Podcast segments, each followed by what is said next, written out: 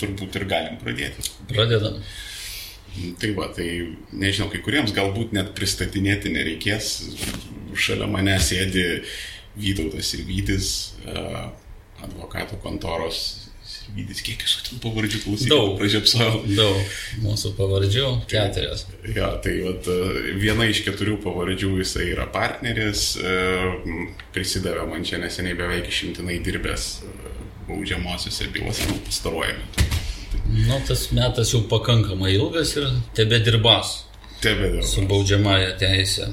Taip, ir, nu, sakysim, ten iš klientų, vat, literaliai aš savo akise matau, čia gal po to parodysim į eterį, va, Henriko daktaro nuspalvota e, atvirutė e, pasveikinimui Vytautui. Tai nu, mes turim labai rimtą advokatą, labai rimtą e, baudžiavinių dalykų išmanytoją.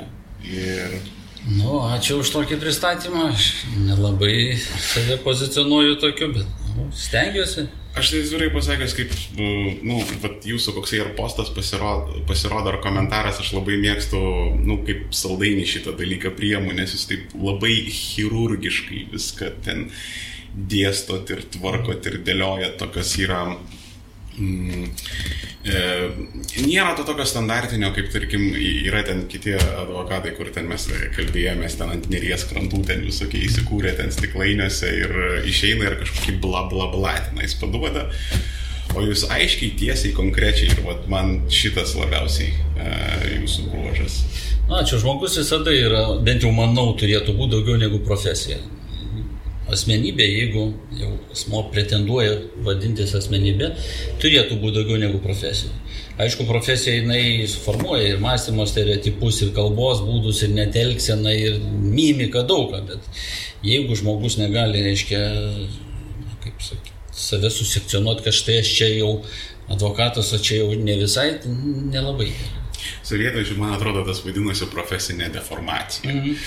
Kažkaip tai taip, dabar jau tokio žodžio nebėra, bet labai geras žodis. Labai geras žodis, iš tikrųjų. Tai, tai iš esmės yra deformacija. Taip. Schizma. O, grinai, vat, nu, ja, aš, vat yra žmonių, kur ten mėgsta, tarkim, nežinau, ten, kaip jūs į metalikos koncertą važiuoti. Yra žmonių, kur mėgsta ten su vandens lydėm ar dar kažką, ten pirtį pasėdėti ir panašiai. Man yra mm, įdomus mąstymo procesai, man yra įdomus intelektas, aš ten pastoviai pasigaunu kokį intelektualą ir klausausi mm. išsižiojęs. Vat, nu, t, t, tie vidiniai procesai, kur kaukolėje vyksta.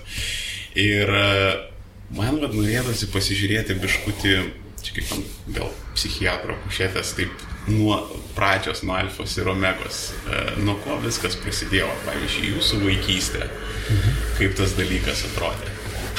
Gera buvo ta vaikystė, na, nepaslaptis ir Facebook'e kars nuo karto tą paminiu. Mano tėvas, amžinatilsi, jau jisai buvo politinis kalinys. Mhm. Tai Tam aš didelė. 58, kaip ir visi kiti, ir būdamas labai jauno amžiaus, jisai nukeliavo į lagerį. Ir natūralu, kad ta tėvo traumuojanti tokia patirtis, jinai tada gal netrodė labai reikšminga, bet aš dabar, va, jau kai bandau atgaminti, kasgi mane formavo, tai be jokios abejonės tai turėjo labai didelės įtakos. Na ir kitų giminaičių, aišku, yra buvę sėdėjusių lagerį už stalininius straipsnius, visokių ten tų buvo dalykų, tai tas, na, kaip ir, na jau iš, iš vaikystės rodė, kad čia gal ne viskas gerai, kaip mokykloje sakoma, o dažnai ir visai negerai. Na ir patikdavo man kai kada kažkokią vienokią ar kitokią poziciją jau bandyti atstovauti. Kaip tas pasireikštavo, tas pozicijos atstovavimas? Ar... Įstodavo skersai kelio kam nors. Yeah. Būdavo tokių. Mokytojai grubylinti. Jo, jo, jo, jo, jo, jo pagrubylinti, iškia, ilgesys mano tikrai buvo tolimas nuo labai jau ten aukštų standartų. Bet dar vienas buvo dalykas, kad tam reikia irgi šiek tiek dėmesio matyti skirti, jeigu jau taip klausėt, aš mokiausi labai gerai. Mhm. E, tam neįdėdavau didelių pastangų, nes, matyt, nu, genetika gerai, gerai galvo ten gerai sukdavos. Ir, aiškiai, aš negavau aukso medalio. Apie tai, kad aš negaunu aukso medalio, sužinojau tik tai atėjęs į išleistuvės mokyklos, nes tada buvo tokia tvarka. lietuvių kalbos literatūros egzaminas buvo vertinamas tų jau, kas pretenduoja į medalius, vertinamas buvo Vilniui, ne provincijoje, aš užaugau Utenoje. Mhm. Tai tas procesas užtrukdavo, kai tada nebuvo jokių ten skaitmenų, ten kažko. Tai va aš tą sužinojau, kad aš gavau iš lietuvių literatūros ketvirtą ir ketvirtą. Man tas buvo žiauriai tragiška, dar aš jeigu būčiau gavęs kažkokių tiksliųjų mokslų mažesnį pažymį, nebūtų taip baisu, nes nu, aš save laikiau humanitaru visą laiką ir matyti toks ir esu. Baizavai esu administravęs vieną pakankamai garsią literatūros svetainę čia Lietuvoje, supublikavęs ir savo kūrybos, tai nu, man ta humanitarinė dalis buvo svarbi. Ir štai paaukštą reiškia, aš gaunu keturis ir keturis. Mm. Nu, nepaslaptis, nuvirtino ašarą, tai neteisybė buvo didžiulė, jau baisi, žiauru. Maždaug kaip taip galėjo būti. Bet vienas dar buvo dalykas, mūsų klasėje buvo šiaip stiprių mokinių, su neblogesnėm galvom negu mano ir vienas bičias, gerbiamas mano klasiokas, dabar jisai turbūt Amerikoje, stiprus mokslininkas, jisai gavo aukso medalį, natūralu vienoje klasėje negalėjo būti dviejų aukso medalių. O čia rimtai, ta prasme? Taip. Tai visiškai rimtai. Tai va, šitas užtaisas, nors sakau, jaugi tada aš jau buvau netoks jau mažylis, jau 17 metų, tai na, jis taip labai atskleidė, kad štai matai, koks pasaulis neteisingas ir kodėl čia man maždaug mhm. taip atsitiko. Tai ir dabar, nu, vis tiek tas atrodo įvykis jau praėjus, kiek jau čia dabar jau daug čia tų metų jau gerokai virš 30 praėjo, nu, aš vis dar atsimenu, kaip va čia taip, ar čia reikia ne tokią temą rašyti, ne taip čia reikia daryti, šiek tiek paprastesniais sakiniais. Nes tas bičias rašė labai paprastai.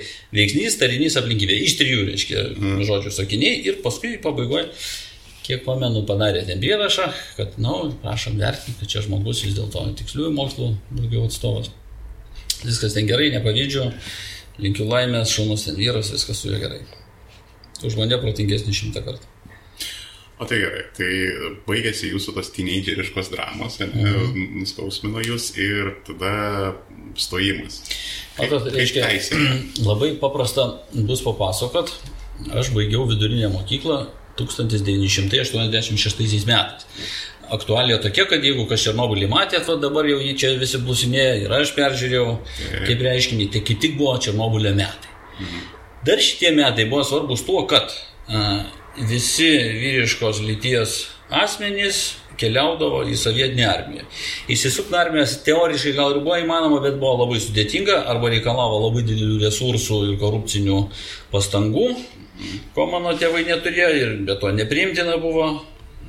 Arba turėjo būti jau toks ligonis, kad jau tikrai niekam nelinkėčiau. Viena iš įmanomų opcijų ir dažnai sutinkama, kaip tik buvo kelionė į tokią valstybę, kurioje ir tada demokratijos nebuvo daug, jinai vadinasi Afganistanas. Ir iš jos kars nuo karto pargyždavo su cinkuotais karstais. Kareiviai, tai aš labai gerai atsimenu irgi tavo būseną, reiškia kažkaip dalyvauju, kažkoks vakarėlis, faina, viskas tvarkoja, negalim sakyti, bet alkoholė ten šiek tiek. Mhm. Ir maždaug, tadadadam, reikės į armiją varyti. Iš karto reiškia, kažkokie tokie rūkas tamsus užkloja. Tai grįžtant prie to, man stoti absoliučiai nebuvo skirtumo kur, dėl to, kad aš taip ar taip žinau, kad už metų aš keliaunu į armiją. Tai ar aš stosiu ten, ar kažkur kitur, tikrai nesisusiu. O apie tai nebuvo e, tos tvarkos, kad tol, kol tu mokaisi, ten karinė ne, katedra, va, bet... Bet prie to prieisim, reiškia. Aha. Kaip tik tais metais tos tvarkos ir nebuvo. Aha. E, išimčių buvo, išimtis buvo tokias. Tais metais išimti sudarė medicinos mokslai, į katros iš šiai buvo labai sudėtinga papulti, na ir dabar tas pats, bet iš medicinos mokslų neėmė į armiją Ir dar viena buvo išlyga, irgi, kas istoriją atsimena, atsimins, iš žemės ūkio. Ir tai buvo kaip tik e, aplinkybė, jeigu kas krepšinių domėsi, tai mūsų pažyba maestro Sabonis kaip tik buvo Žemės ūkio akademijos studentas. Tai čia dėl Sabonio? Ne, jokių būdų, reiškia, ne, ne, neėmė šiaip, bet Savonis tapo žemės ūkio specialistu dėl to, kad iš ten neėmė armė, nes jis okay. būtų keliavęs į CSK. Tik jis nekeliautų į Caską, tai buvo padaryta taip ir manau, kad jam labai ten gerai sekė studijuoti. Aha. O motyvas, kodėl žemės ūkio ne... E, nu, matot, keisdavosi šita, šita e, politika sovietinė kars nuo karto keisdavosi. Ne. Anksčiau yra buvę net ir taip, kad yra neėmę iš pedagogikos mokslų, bet su išlyga irgi gana tokia pakankamai. Jeigu baigi pedagogikos mokslus ir važiuoji į kaimą dirbti mokytojų, tada mhm. į armiją neįman. Bet alternatyva, kaip puikiai suprantate, yra tokia sausau, reiškia, palyginama. Mano laikais, tai sakau, aš išvengti armijos neturėjau galimybių jokių ir aš tą puikiai supratau, kad po metų aš į armiją vis tiek keisiu. Tai dabar, kadangi mes gyvenom nuosavam name Basanačiaus gatvėje Utenoje, tai yra pagrindinė gatvė, pakeliu į Kauną, tai užvažiavo klasiokai važiuodami, klausyk, važiuojam stot.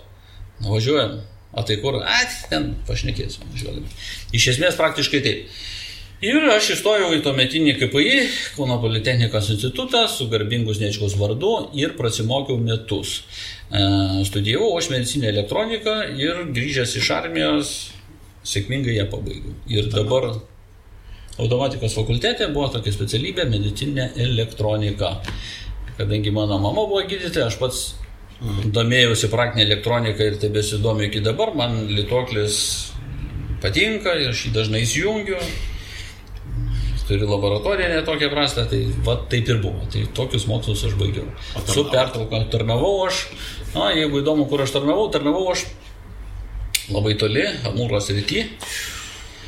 E, iš vienos pusės tai buvo, aišku, matyti irgi reveransas susijęs su tėvo praeitim, gal ir atsitiktinumų tam tikrų ten būta, na, bet faktas toks, tai tarnavau aš prie kinų Rusijos ir Kinų sienos, netoli Amūro upės, tankų daliniuose, taip vadinamojo čiepkiai, mokamajam dalinį. Na, nu, armija įdomus yra aplamai reiškinys ir, nežinau, vat, mačiau paskui, kada jau sugrįžom visi iš po tos armijos, labai įdomu man buvo stebėti, nes mūsų grupė buvo vien tik tai vat, tie kariai pargrįžę. Tai dalis buvo tokių, kurie maždaug žiūrėjo, kaip faina, ten armija, kaip gerai, žinai, viskas tvarkoja. Na, nu, aš ir iki tol buvau antimilitaristas, grįžęs iš armijos tapau aršus antimilitaristas. Mm. Nemėgstu bet kokios kariuomenės, bet kokios valstybės, pačios geriausios, tobuliausios.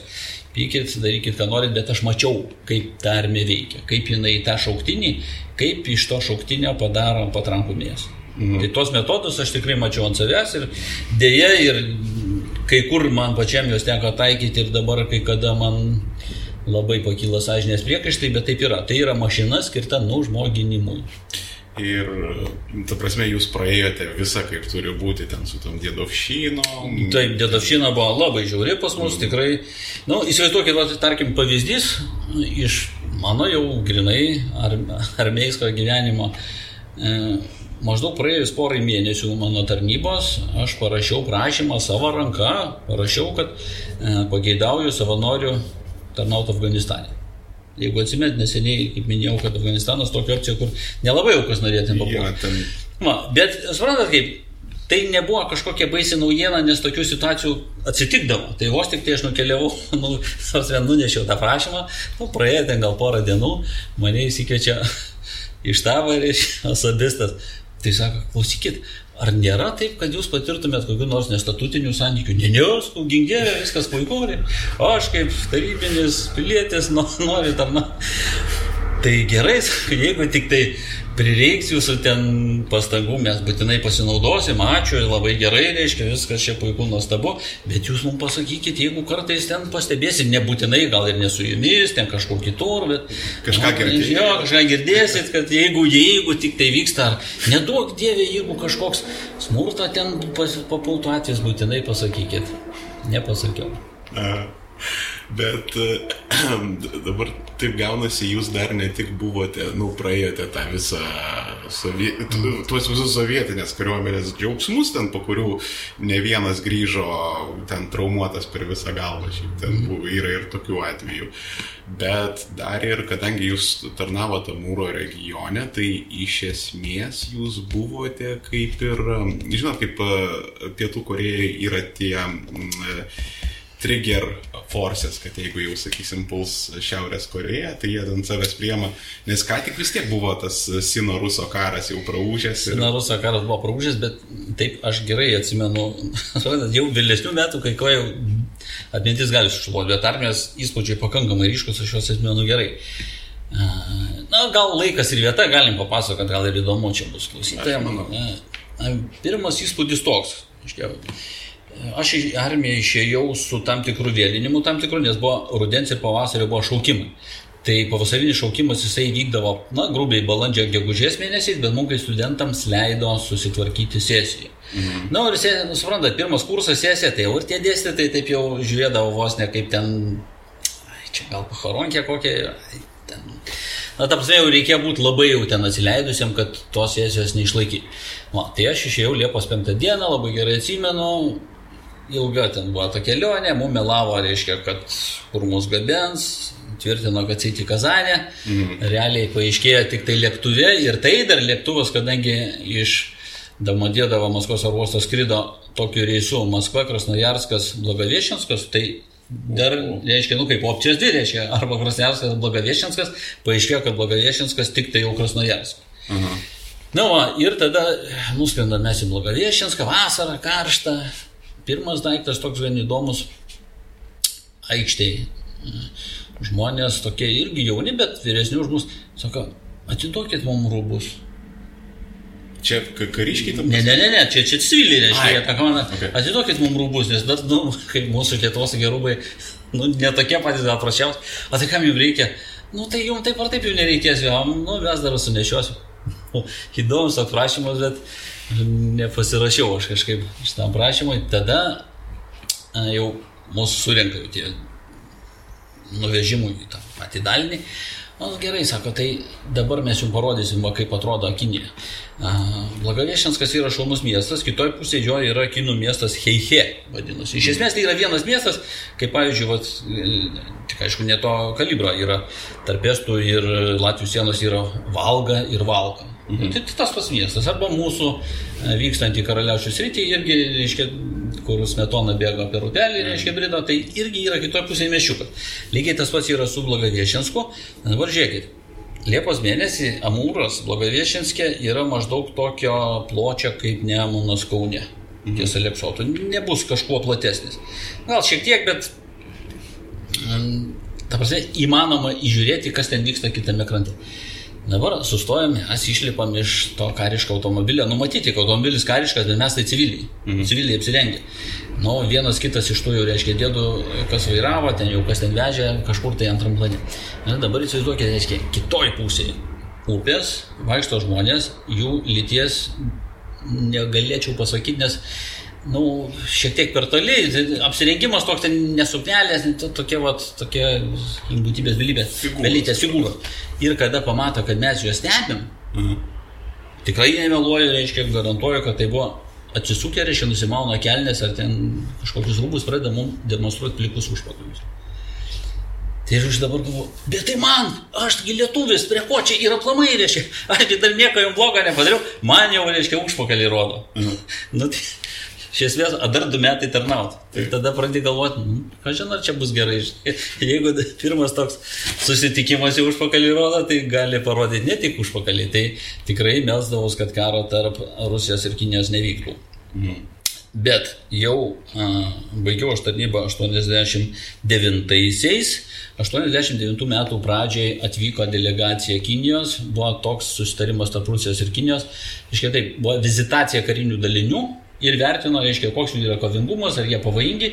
Ir buvo sutarta taip, kad pačius, na jau kovinė prasme reikšmingiausius dalinius patrauk per šimtą kilometrų nuo sienos vienos ir kitos. Mm. Tai atvyko į mūsų dalinį, pažiūrėjau, ai, tas gali būti.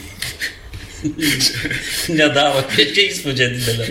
Biškutį emaskuliuojantis dalykas. jo, gali, gali šitas būti.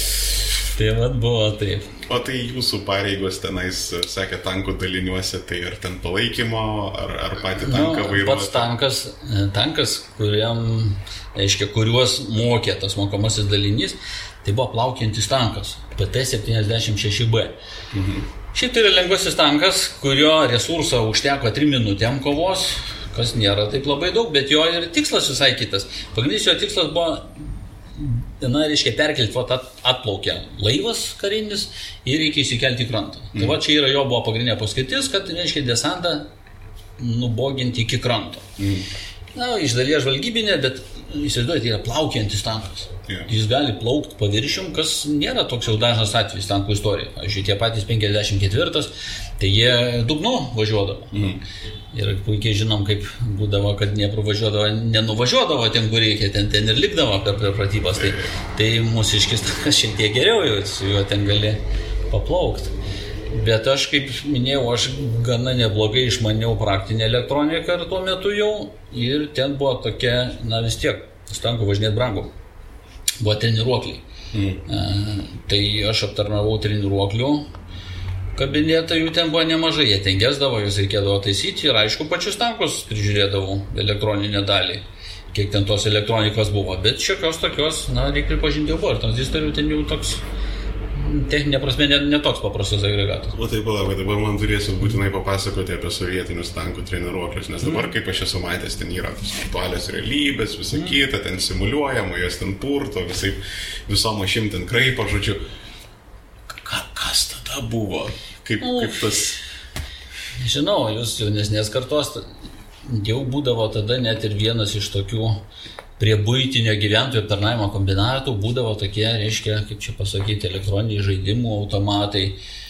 Va, tai, tai iš esmės tie tankų elektroniniai treniruokliai, tai iš esmės labai panašu į tuos va, žaidimų automatus, kur laivai plaukėdavo, jas reikėdavo šaudyti, ten kažkokias antytės. Mašinėlės. Mašinėlės, va, va, maždaug to lygmens, tik tai tiek, kad e, pats, reiškia, tanko ta, ta įranga, kuri yra reali tankė, tai lygiai tokia pat ir ten. Iškia, mm. Tai matai per tą įrangą iš esmės vaizdelį ganėtinai panašų, tik tiek, kad jau yra netikri tankai, bet nu, simulatoriai.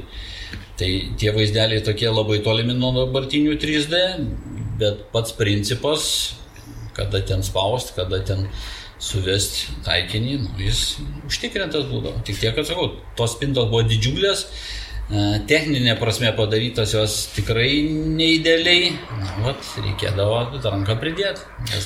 O tai pati, pati simulacija, tarkim, ar garsą simuliuodavo, judesi simuliuodavo? Ir garsą irgi. Ir garsai irgi, bet, na, nu, suprantat, kaip ten, ten daugiau primityviai, gan pati idėja yra tai, kad, reiškia, žmogus pirmą kartą na, jis tam tankį, tankį dar nebuvęs. Mhm. Tai pirmas dalykas, kad prieš į tą tanką lendant jau vis tiek užsideda į tą, nežinau, ne kaip lietuviškai šlemofonas, žinai, tankistą tą kepurę, rantytą, yra, reiškia, jau prisijungia, ten vat mikrofonai, čia dedasi prie na, laringofonai, net jie taip vadinasi, susijungia vat, ir žiūri tą ekraniuką taip, kaip tankė ir bus. Mhm. Tai jau tada paskui įlipus į tanką jau netaip jau labai jau viskas nauja, bent jau žino žmogus, kur žiūrėti. Mm. Tiek, kad mūsų tanko, mūsų ekipažas tai žmonės. Ir tanko vadas, kuo aš ir buvau paruoštas, jisai yra tuo pačiu ir, na, kaip čia lietuviškai, navočik. Reiškia, prasme, jis yra ir tanko vadas, ir šaulys. Yeah. Dar viena figūra yra užtaisytojas mm. ir mechanikas. Viskas. Mm. Nu, tas, kur vairuoja. Tas, kur vairuoja, jis jau yra priekyje tanko, mat, čia du, du žmogeliai pačiam bokštui. Šiaip iš tanko man liko įspūdis toks, nors mūsų tas tankas, tai jo šarvas labai planytis. Ir yra buvę, aš pats esu stebėjęs atvejį, kada nu, pratybų metu važiuoja trys tankai, vienas labai netoli kito, ten per kokią dešimt gal metrų. Tai įsivaizduokit, užtenka kulkos važiuoja šovinio, užtenka prašauti šarvą nuo mm. tanko. Nu, jis netam skirtas, nes yeah. jeigu jis bus žiauriai sunkus, jis nuskęs paprasčiausiai. Bet tankė sėdint jautiesi nužiauriai saugus. Gal psichologiškai tai atrodo, nu atrodo, nu, ko aš čia tau gali ką padaryti.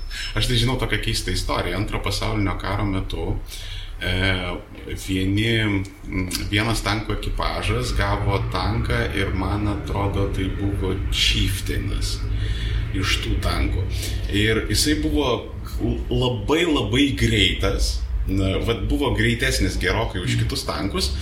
E, labai gerai jiems sekdavosi šaudyti tenais vokiečius visą kitą. Ir vienas iki taip gavosi, kad, um, žodžiu, buvo toksai kalnas ir šitoj kalno pusėje stovėjo e, vokiečių sunkvežimis su prieš e, lėktuvinių kulkosvaidžių. Mhm.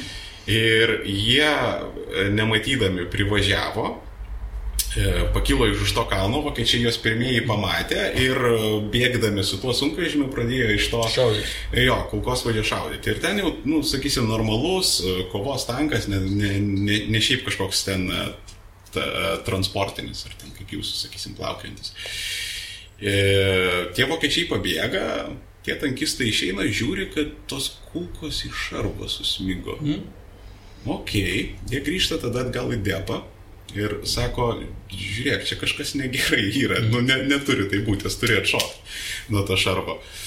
Ten žmogus pasiknisa popieriuose ir taip sako, e, suriukas, jūs biški čia moko matangą gavo, ten pas jį e, aliuminio šarvai yra. Šarvai netokie. Jo, kad ir, ir todėl jisai buvo greitesnis ir visa kita. Tai sako, tai mes jums pakeisim. Ir kas keiščiausia, įgula sakė, ne, ne, Tegul būna. Jo, viskas gerai, mums patinka greitis, tai sako, bet sako, idiotai, jūs peršal gali, ne, ne, viskas tvarkoja, tai čia Nu, matytas. greitis, greitis yra pliusas, gali pabėgti, gali manevruoti geriau. Ir tas saugumo vat, efektas gal kur kaip irgi pasakojat, kol e, atrodo tu esi Čia apsuptas. psichologiškas.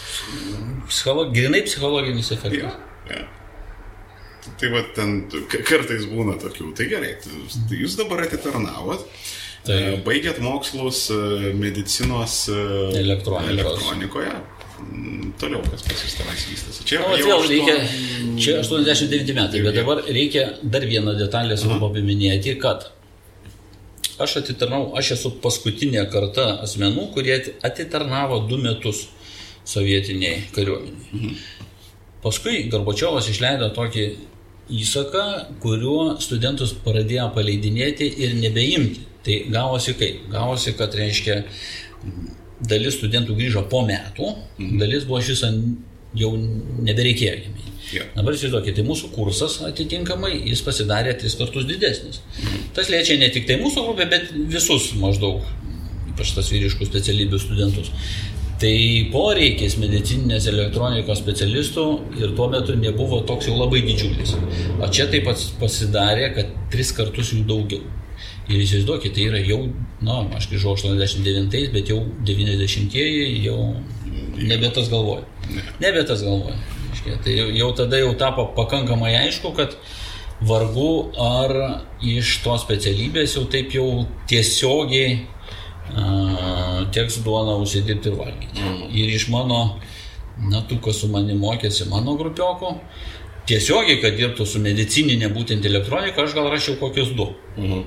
Bet pasakyti jų visai nėra, tai negalėčiau, yra vienas kitas, bet tikrai labai jau nedaug tokių teliko. Bet, nu, kadangi, kaip suprantat, įsilavinimas yra įsilavinimas ir negalime žiūrėti labai tokiu, sakykime, merkantiliniu kažkokiu tokiu požiūriu, aš kaip paskui dirbau akademinėse veiklose, o tai kur aš galėsiu dirbti baigęs? Mhm. Na, yra, pavyzdžiui, senosios graikų kalbos specialistai yra labai, nu, turi didelę paklausą. Dėl to, kad jeigu žmogus sugebėjo išmokti senąją graikų kalbą, mhm. tai jisai bankė padirbs tik tai taip. Tai dėl to yra ir, iškia, analitikai. Dabar vat, mano kaimynas programeris stiprus, tai sakė, geriausiai dirba pas jį filosofijos magistrė mergina. Na, Fantazijas už tai, kad turi.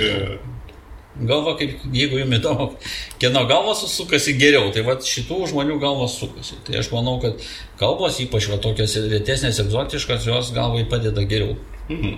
pasisukti.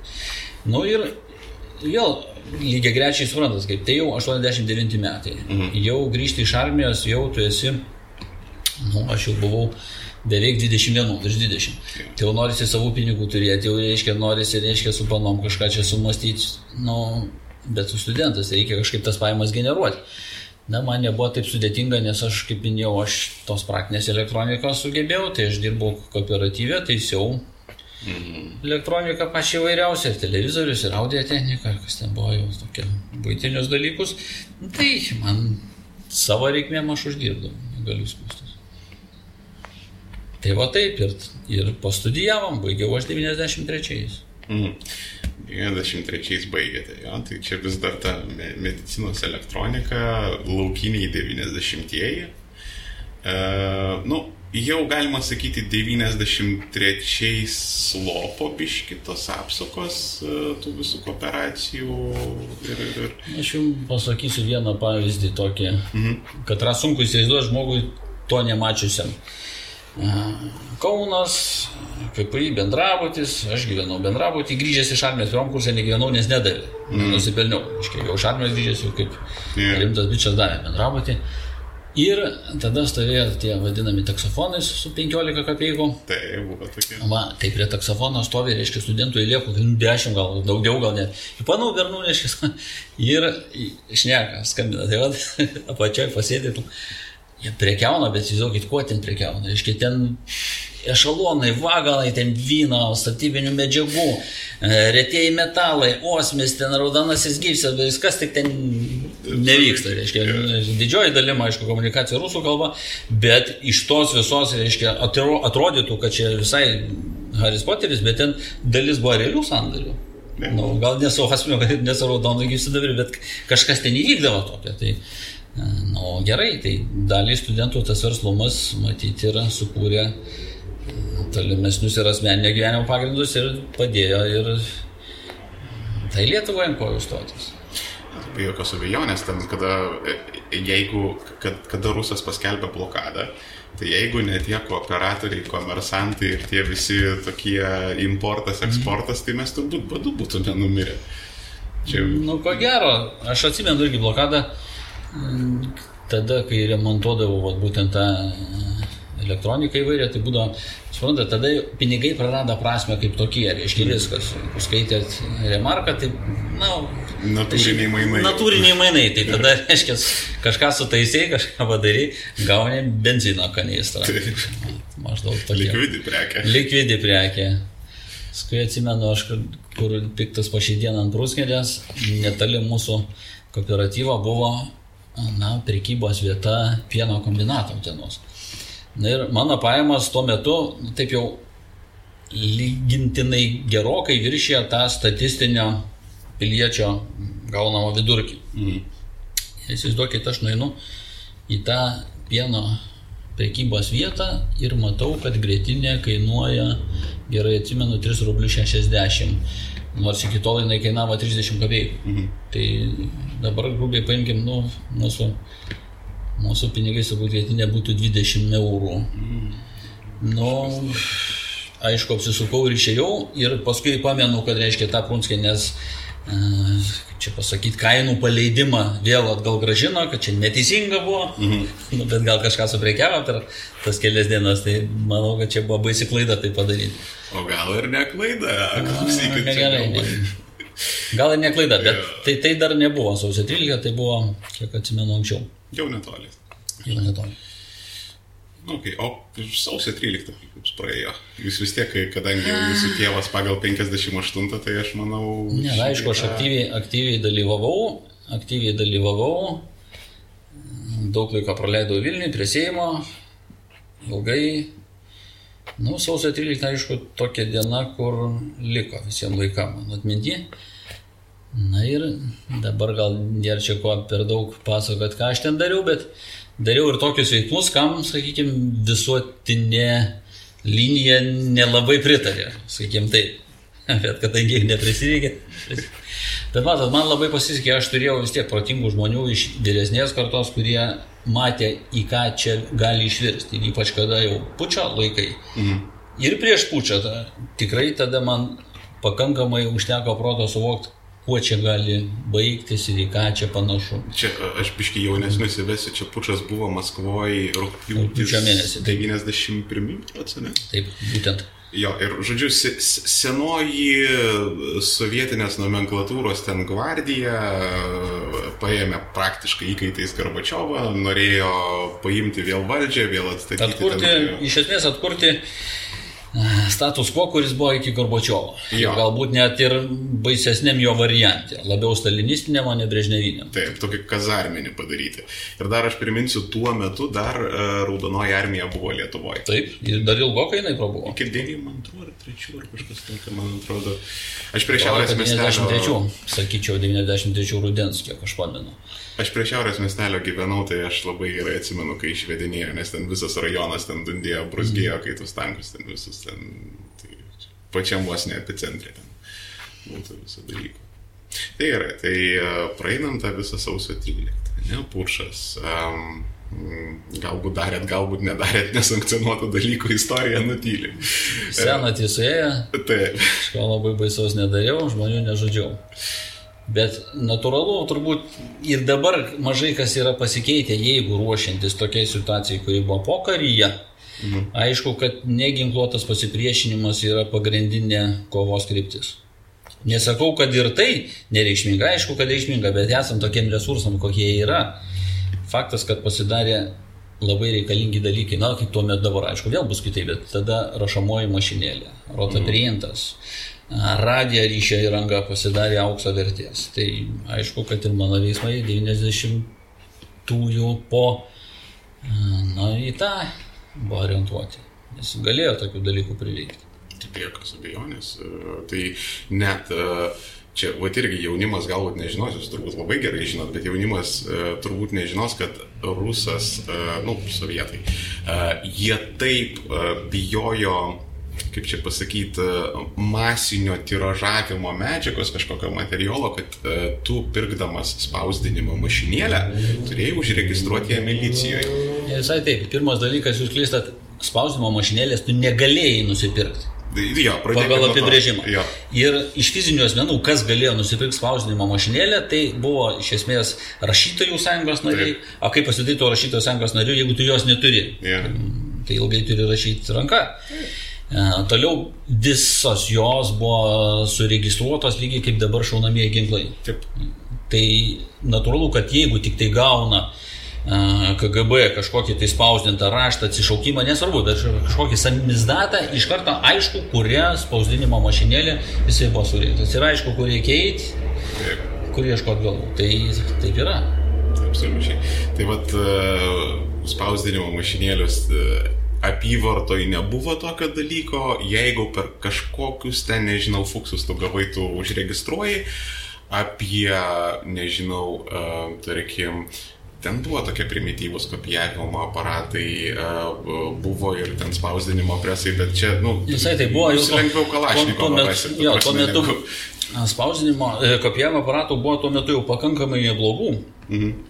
Bet aišku, jie užėmė, nu, matyt, pusę to kambario, kur mes dabar čia reziduojam. E, Iš esmės neįmanoma buvo to, tokio tipo kopijavimo aparatais naudotis. Senesnės kartos rataprintinė kažką buvo galima daryti, bet irgi jų nebuvo aplamai iš viso. Tai dauginimas buvo didžiulė problema. Ja. Tai roto printas, jeigu aš gerai suprantu, tai tas būgnas buvo, Taip, kur reikėdavo. tai būtent, būtent. Jo, kur ten realiai iškaldavai veidrodinį atvaizdą, aš čia primityvinu. Ten, Taip. Čia jaunimui, tarsi, būdavo ant to būgno iškaltas toks veidrodinis anspaudas ir tu galėjai puslapį vat, su juo padaryti ant sukdamas. Na, bet tai buvo vis tiek gudrus išradimas, lyginant. Tai jau nebe kalkė, irgi jaunimas nelabai įsivaizduoja, reiškia, su rašamąją mašinėlė buvo galima atspausdinti ne vieną egzempliorių, o, na, labai jau pasistengus, labai plonų popierium, galbūt iki dešimt. Apie, apie tai turbūt. Einant laborato printų buvo galima padaryti gerokai daugiau. Tai jo, nu, vienu žodžiu, šitie dalykai buvo praktiškai aukso verties, ten tiražavimo, kopijavimo. E, ir kad per, per smarkiai tada nenukryptume, tiesiog mm. toliau yra jūsų įdomus kelias, 93 metai, jūs mm. baigėte. Ne? Taip. Kaip teisė atsidūrė jūsų akiratyje? Gerai Kokiu pasakysiu. pagrindu? Vėl čia gal rašytojams pamastyti. Aš turėjau versliuką šiokį tokį, nes aišku, kad manęs visiškai neviliojo galimybė dirbti jau tuo metu griūvančioje, na, faktiškai sugriuvusioje, tai Elfoje, ar Ventoje, ar Nuplonė kažkokiem. Jie jau tuo metu arba merdėjo, arba jau visai buvo numirę. Tai, pavyzdžiui, jeigu mano mama pozicionavo, kaip turėtų atrodyti mano gyvenimas, va štai eina Vytautas į konstruktorių biurą, kokį nors su brėžiniais, būtinai ten... Pullmano ten Jo, prie kūno papkę ten kažkokią pasiėmęs, negražus žodis, bet taip jau jinai mąstė. E, 8 valandą užsiregistruoja ten per praėjimą ir išeina 17, va taip turėtų atrodyti. Tai man šita linija visiškai nepatiko. Tai aš versliuką ir labai dažnai važiuodavau, jau tada turėjau asmenį automobilį nusipirkęs, važinėdavau iš Kauno į Vilnių. O kas per versliukas? Prieisim iki to, Okay. galbūt kada nors. Ir štai reiškia, aš ir dabar tą darau, aš paimu keleivius tranzuojančius, dabar jau mažiau, tada buvo daugiau žymiai. Mm. Stovi žmogus panašiai mano metų, gal ten porą metų, reiškia, vyresnis panašiai. Aš jį paimu, sveikas, sveikas, labas, kaip čia ką, įsišnekam, jisai yra kineziterapeutas. Mm. Žinai, sako, aš važiuoju stoti teisę. Davai, kartu. Turi dokumentą, turiu. Nu, davai, važiuoju. Nuvažiuojam, nuvažiuoju, pridavė dokumentus, sumokėjau 20 litrų veros, dideli pinigai. Nu, maždaug ir tiek ir, nu, kaip ir kažkoks tai. Tada atsimenu, irgi kažkaip vakaruojam su draugeliu, aš vos ne jau užmiršęs buvau, kad tada stojamieji iš buvo. Ir maždaug prabudau, Man draugelis sakė, klausyk, šiandien įstojamasis teisė tavo. Eik, užmiršk, ką čia, ne čia važiuos, ne, ne, ne, būtinai, reikia važiuoti. Tai nuvažiavau aš, tikrai, kaip matot, neskiriau dėmesio, nesimokiau nieko, bet ta galva tada veikia dar. Buvo du egzaminai. Buvo logikos politologijos testas ir užsienio kalba. Logikos politologijos testas tai maždaug buvo taip, reiškia, yra, įsivaizduojate, uždaviniukai tokie. Mm. Buvo du broliai ir sesuo, kokios spalvos jų namas, jeigu šiandien balandžio 15. Tai, mm. nu, tai ten jeigu galva veikia, tai ten, nu ir veikia, ten nieko neišmastysi. Tai tuos uždaviniukus aš pasprendžiau, kažką tai ten jau paskui net neberašinėjau, ten pridaviau, pridaviau. Nu, užsienio kalbą aš šiaip taip mokėjau, nes ir mano tėvas, apie ką aš minėjau, jisai buvo įstojęs studijuoti užsienio kalbos, bet jie aišku išvarė iš ten. Yeah. Bet jis anglų kalbą mokėjo labai gerai, kaip pagal asmenį, įsivaizduokit, kuris niekada gyvenime nebuvo išvykęs iš Sojūzo, angliškai kalbėjo, rašė labai gerai. Ir turbūt net girdėjęs nebuvo tas anglų kalbos. Girdėjęs buvo, nes buvo tada taip, e, plokštelės. Gaudavo plokštelės, jos aišku buvo brangios, bet ir tarti reiškia viskas ten gerai, išmokydavosi mm. iš to. Tai va, tai dabar buvo taip. E, konkursas ten, aišku, buvo baisus, ta teisė, stojo žmonių daug. Čia universitetas priėmė... VU, man atrodo, čia buvo. Riomerio dar VU, nebuvo. VU. Riomeris buvo, bet jis buvo Policijos... Minsko milicijos Taip. mokyklos filialas. Taip. Va, tai buvo VU. Aha. E, vėl grįžtam prie to, kad kada aš baiginėjau tais 86, pirmas dalykas, aš šitą teisę pats niekada nebūčiau stojęs, nes buvo aišku, kad teisė, na, nu, okay. ir dabar tas pats reiškia, teisminė valdžia yra viena iš valdžios šakų. Jo. Tai, tai yra būtent tos valdžios, kuri tuo metu valdo valdžios šaka. Mhm. Tai aišku, kad e, represinė aparatą man buvo visai nepakeliu ir aišku, dėl tėvo CV aš ten ir taip per patranką šūvį niekas nebūtų manęs priėmę. Dar aš kažkaip atsimenu, kad ten labai komplikuotas stojimas būdavo, sovietmečių į teisę, kažkokius ten reikėdavo. Reikėdavo viską ten pristatyti ir aišku, buvo labai vertinamas, na ta prasme, kilmė socialinė mm. tebe buvo vertinama. Ir dabar tai nėra tokia marazma, bet tada reikia rašyti iš kur tu kilęs, reiškia, iš darbininkų, iš valstiečių. Mm. Įsivaizduokit, net dabar tai man va juokas, kad dabar kai kalbam, iš inteligentų, galima rašyti, bet čia jau blogai. Kilmė iš inteligentų, ne, čia nelygis, ne. Tai valstietis. Ne, tai valstietis, viskas gerai, normaliai, iš proletaro labai gerai, -huh. iš inteligento. Nu, taip jau retai kas rašydavo iš tarnautojų, mm. irgi nelabai gerai. Ir, pavyzdžiui, norint stoti į partiją, ko aš aišku niekada nenorėjau, bet Nu, pavyzdžiui, armijai, vėl kažkaip grįžtų man jūs sužadino tos armijos prisiminimus, tai armijai e, jau karininkai, Zampolitis sako, davai ir vykdys tokį partiją. Kodėl sakau, turėčiau? Nu, suprantate, sako, Lietuvoje tai partiją neįstosi. Mm. Dėl to, kad yra labai daug karjeristų, kurie į tą partiją stoja, nes tu karjeros kitaip nepadarysi be partijos. A čia pas mus, va, reiškia viskas gerai, gali varyti. Na, va, tai ko ten mes, reiškia, dėl teisės ir stojimo į tą teisę, tai grįžtam. E, prie egzaminus? Aš taip, aš laikiau egzaminus, juos išlaikiau, išlaikiau ten ne, ne dešimtukais ar penketukais tuo metu gal net ten, bet man užteko, nes aš išlaikiau teigiamais balais. Mhm. O į tas, šiaip buvo 70 vietų, mhm. viso labo priėmė 59 žmonės dėl to, kad visi kiti iš tūkstančiųjų negavo teigiamų balų. Mhm. Tai paskui netėjo delegacija maždaug tai, ką, ką čia, dėl ko vat, aš užsienio kalbos neišlaikiau, bet gavau labai aukštą balą logikos politologijos, mhm. kodėl dabar manęs nepriimat, priimkit. Na, VU laikėsi griežtos gan linijos, ne čia ko. Kartelė yra. Kartelė yra tokia. Tai dabar mhm. įsivaizduokit, iš tų 59 žmonių, kurie mes įstojome, Tai buvo grupė su aukštuoju, taip vadinamu, mhm. buvo pirmi metai, jinai tokia buvo surinkta, iš tų 59 asmenų, tais metais, kuriais priklausė baigti, mūsų baigė 11 žmonių. Ir, Tai, sakykime, netiek jau daug. ir, ir čia kokiu pagrindu atšoko visi, tuo natūraliu. Tokiu pagrindu. Bet, e, mm, e, Esmė tokia, kad iki valstybinių egzaminų, kuriuos mes laikėm baigę mokslus, priejo 30 žmonių iš 59, o mes laikėme visus keturis egzaminus, kai dieninio kurso studentai laikė du. Pas juos buvo specializacijos, jau tada buvo aišku, kur tu eini, ar į um, civilinės teisės rytį, ar į baudžiamosios. Tai jie laikydavo po du egzaminus, mes laikėm visus keturis. mhm. Va, ir per tuos egzaminus iš tikrųjų praeit buvo sunku. Tai kaip matot, iš 30 po egzaminų beliko 11 žmonių. Tai a, ir tuo metu, man atrodo, ten buvo penki metai a, mokytis teisę ir iš karto magistras. Ar Ne, tik čia vien, ne, ne, ne. Teisė, ta situacija išliko ir dabar. Tai yra vien pakopės išsilavinimas, tai nei toks, nei toks. Tai aš savęs magistru negalėčiau vadinti, nes toks nesu. Va, o taip vadinamas vien pakopis teisininko išsilavinimas. Va, tai yra mano diplomas, ten prie temidės padėtas. Pageltis, nu laikas. Nu, jis geltonas ir tada buvo. A, ok, aš galvoju, čia, Čia, čia tokia. čia gal supratau.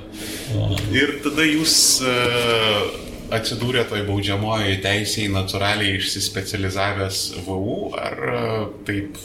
Ne, ne, pas mus, nebuvo, pas mus nebuvo e, tos vadinamos profesionalizacijos kažkokių tai Jūs tokius specialistų. universalius paruoždavo, jo? Jo paruoždavo universalius ir matot, kaip tokių kaip aš iš tikrųjų nebuvo daug, nes absoliučiai didžioji dalis tos rauto, nu, gal ne absoliučiai, bet didžioji dalis tos rauto buvo asmenų, kuriuos, kaip čia pavadinti, irgi senovinis dar toks reliktas buvo susiuntimais.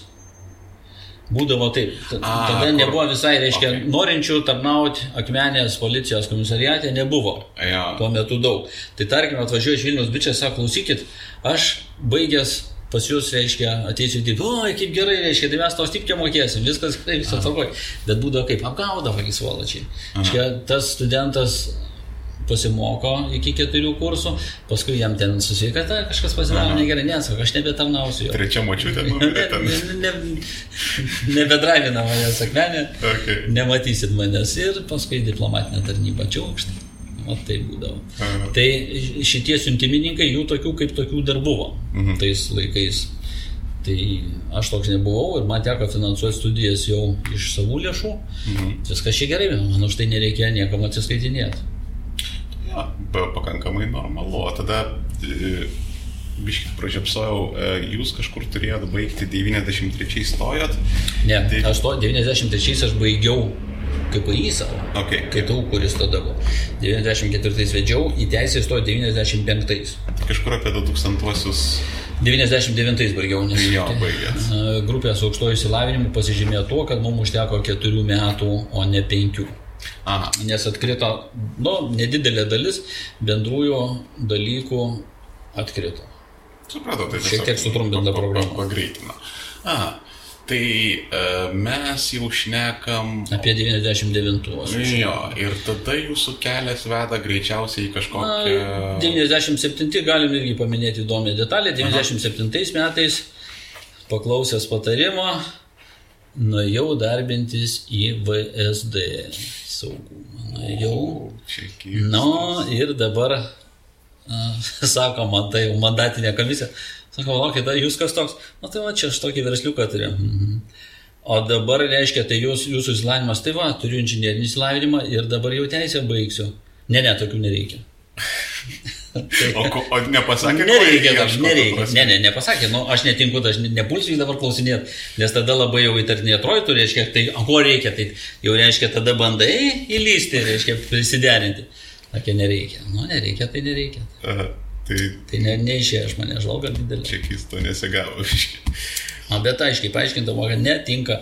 Bet labiausiai, aš taip supratau, netinka labiausiai teisinis įslavinimas. A, Jeigu Aš nenorėjau. pafantazuoti, kodėl. Galiu pafantazuoti, kodėl dėl to, kad reiškia asmo, kuris turi teisinį įsilavinimą, kažką išmano apie žmogaus teisės. Bent jau taip turėtų būti. O matyt, tuo metu, aš nesakau dabar, tai ten viskas jau gerai, ten nuostabu. Oi, ten puikiai. Ten taip gerai, kad ten geriau negali O būti. Jėzus. Visa laimė, kad manęs ten nėra, reiškia, pagadinčiau kažką. Tai e, tuo metu, matyt, tvirojo manimas, kad apie žmogaus teisės spets tarnybos darbuotojas neturėtų žinoti. Neturėtų paršinti savo galvos tokiais dalykais. Mm. Nes tada nususiaurėja galimybių ribos. Jo, nu, negali taip efektyviai tėvynės ginti. Negali. Kaip, kaip, niekaip. kaip nuo priešo Niekaip. išorės vidaus. Niekaip, niekaip. okay. nu, gerai. Tai tada baigėte, pasibaigėte teisinius mokslus ir e, greičiausiai turbūt į kokią advokato kontorą bus. Na, matot vėl, reiškia, ne taip viskas taip greitai darosi. Ir dabar lygiai yra tas pats. Tam, kad galėtum pasukti į advokatų kontorą, tu turi, na, aišku, turėti įsilavinimą. Tai vienas dalykas. Kitas dalykas, tu irgi turi pabūti advokato padėjėju, kuo aš ir buvau. Jo, Stažas tas. Na, aš jau turiu, reiškia, teisinio stažo įgyti. Tai aš nemažai dirbau akademinio darbo. Aš dirbau visoje eilėje akademinių institucijų, daugiau kolegijų, paskui jau dirbau Riomerį. Va, ir man tas visai patiko. Dėstytojai man visai patiko darbuotis ir jeigu motivacija būtų didesnė, aš ir dabar gal kažkiek dėmesio tam skirčiau, bet dabar senokai jau to nedarau. Bet, na, nu, kaip ne, ne taip jau baisiai žiauriai seniai, ne taip dar seniai esu skaitęs ir Vytauto didžiojo universitete baudžiamo proceso kursą. Va, tai jau nuo 99 aš jau, jau akademinę veiklą užsiminėjau. Šiek tiek. Poreikis buvo didžiulis, nes puikiai suprantat, nu, žmogus, kuris turi šiokią tokią, reiškia, na, teisinę profesiją, jau eiti į akademinės veiklas nelabai yra motivacija. Kokiu pagrindu, kaip čia taip gaunasi? Na, pinigų ten yra labai mažai, mhm. o yra daug formalių reikalavimų, plus tai kaip taisyklė kertasi su darbo laiku pagrindinėme darbe. Jeigu dėstai nekyvaizdininkams, tai visą laiką šeštadienį turėsi dirbti, tam mhm. turi būti pasiruošęs, šeštadienį šventės. Jos turi nuo šeimos atitraukti, tai motivacija ne pati didžioji. Bet to motivacijos dalį nu, didesnė bent man sudaro studentų motivuotumas. Tai suprantat, kada dėstai dideliam srautui šimtui žmonių, 150 ir iš tos rauto matai, kad, na gal dešimčiai įdomu. Mhm. Na, tai labai, na, turi aišku atidirbti ir tai dešimčiai. Turi padaryti, kad būtų. Pavyzdžiui, nebuvo pas jūs rezervacijų, čia galit neatsakyti, jeigu aš per giliai lendu, nebuvo pas jūs rezervacijų su e, pačia mokymo įstaiga, nes pavyzdžiui, va, aš ne, neseniai su Aurelijum Katkevičium šnekėjau, tai jis tiesiog jie tai pasakė, kad nu, e, žurfakė dėstė, sako, vėliau užkalt langus ir viskas. Ar, ar, ar nebuvo to tokio Nelabai aš čia suprantu, kur jūs lenkėt. Na vis tiek, kažkaip tu tą įsilavinimą turi įgyti. Tai jeigu užkalsi Vilniaus universiteto teisės fakultetą, jeigu užkalsi net ir tą patį Vytautą didžiojo ar Riomerį ar kolegijas, nu, nu kaip tu tą įsilavinimą įgyti? Čia me- metaforiškai šnekant, bet čia aš labiau lenkiau link to, kad ar, ar jums e, bendrai teisinio išsilavinimo lygis ar pa- patinka, nepatinka Lietuvoje, kaip, Nu, kaip jums tas atrodo? Generalizuoti negalima. Yra labai protingų jaunų žmonių, apsiskaičiusių, kurie, nu, drąsiai galima jiem iš karto kartu su diplomu mm. ir priimti advokatūrą, be jokio jau tokio baisaus egzamino iš visos jurisprudencijos viskas būtų gerai. Aišku, kad tikrai yra tokių, kur tą diplomą gauna su baisiu avansu ir nereikėtų jiem duoti, bet, nu, rinka sutvarko. Mm. Aš, vat, kada dirbau akademinėse veiklose, dabar, vat, kiek pašneku su edukacijos žmonėm, tai dabar vis daugiau ir daugiau taip daroma. Vat, žiūrėkit, pati idėja man labai patiko. Aš jau, nu, šiokį tokį turėdamas įslaminimą padirbę šiek tiek, aš jau galiu taip jau atskirti žmogų, katras teisė išmano ir katras neišmano. Mhm. Tai jeigu vat, padarom mes su jumis egzaminą ir egzaminuojam, man visiškai neįdomu, ar jis ten baigęs, kažką nebaigęs, dirbęs, dirbęs, bet jeigu jo žinios, susitarkim, kad mes galim jas objektyviai patikrinti, jeigu jo žinios atitinka lygį, mhm. okei, okay, tai kam tada tos 4-5 metus ten rinktis? Suteikiai tą kvalifikaciją tiek. E, Elektronikai tai būtent yra, tai buvo mano studentų bendražygių, kas su manim baigė, nu apie elektroniką. Nulis, visiškas. Aš, net man keista, reiškia, kaip įmanoma penkis metus pasimokyti, nu nieko, švariai reiškia. Bet žinokit, ir teisė tokių yra. Man yra tekę matyti dėja ir iš, nu, ir iš teisėjų tarpo, kur sunkiai įsivaizduoju. Aš esu susidūręs, aš pats bandžiau mokytis e, semestrą e, VU teisės fakultete, po to išlėkiau už nepažą. Nu, daugiau semestrų, aš čia žinoma, metaforizuoju, bet uh, iš, išlėkiau už nepažangumą. Uh, bet uh, jo, ta prasme, matėsi, vat, kur yra studentas nu, vad, neduota. Tiesiog. Tai ne ta nesmė, kad neduota, bet yra žmonių, kur, tarkim, paimkim žmogų už gatvės visiškai X. Yeah ir įstatykime į tą poziciją, teisėjai. Ir tegul 10 metų padirba. Tai net ir labai negabus pilietis, vis tiek jisai per tiek nu, išmoks, vis tiek priklausys kažką, nu, prokurorai, yeah. kažką advokatai, nu, kažką tie lygiai. Nu, vis tiek kažką dar vis dar sumastys. Bet man yra tekę matyti tokių vienetų. Dėja, iš mūsų advokatūros, nu, atrodo, nu kaip taip pats varos, reiškia. Kaip taip, reiškia, sugebėt, nu, tarsi visiškai užsiblokuoti, reiškia, nu, nieko. Pasitaiko taip. Bet čia prašau, negastinkit manęs, čia žemesnė, aukštesnė instancija. Visokiausia, tai, tai, ne, nu, vėlgi, aukštesnės instancijos iš tikrųjų, kaip jums pasakyti, vis dėlto yra atrankos sistema, yra, mhm. e, kur, nu, ten sudėtinga jau papulti. Bet bėda, jeigu kažkokiu būdu tas asmo papuolė, tai jo iš ten irgi nepatrauksi. Mhm. Lygiai kaip iš advokatūros, nėra e, kažkokiu būdu, reiškia, pašalinti žmogų dėl to, kad jisai nekompetitingas. Nesimato. Jeigu jisai sėdi kažkur dangoržiai rašinėja ir savo srity, gal tarkim ir labai ten viskas gerai, bet tas, na, nu, gebėjimus kažkokius tai bendrosios jurisprudencijos praradęs. Nu ir praradęs, nu ką. Hmm. Nieko. Čia vat įdomią tokią temą palėtė, nes yra e, Lietuvoje apie teisininkus, nu, bendrai pavadinkim teisininkai, ten ir advokatai, ir ten, žodžiu, teisės profesijos atstovai, e, teisės profesijos atstovai ir tie patys e, antstoliai iš dalies, bet gal daugiau yra apie nu, antstolių, tai be jokios abejonės niekas nemėgsta, ypatingai notarų. Kodėl? Aš mėgstu antstolius. E, ne, tai jums, jums gal pagal profesiją priklauso. Man yra tekę ginti antstolių baudžiamajam procese ir, ir pulti yra net tekę šiaip reikalingas. Jo, aš tai nesakau, ten reikalingas, nereikalingas, tiesiog, nu, ne, ne, kai žmonės susiduria, tai nelabai tiesiog mėgsta, ne, nesvarbu, ar antstolis korektiškai, nekorektiškai dirba, bet, nu, tiesiog darbo pabudis yra toks, kad visada eina negatyvus krūvis tenais tame dalyke.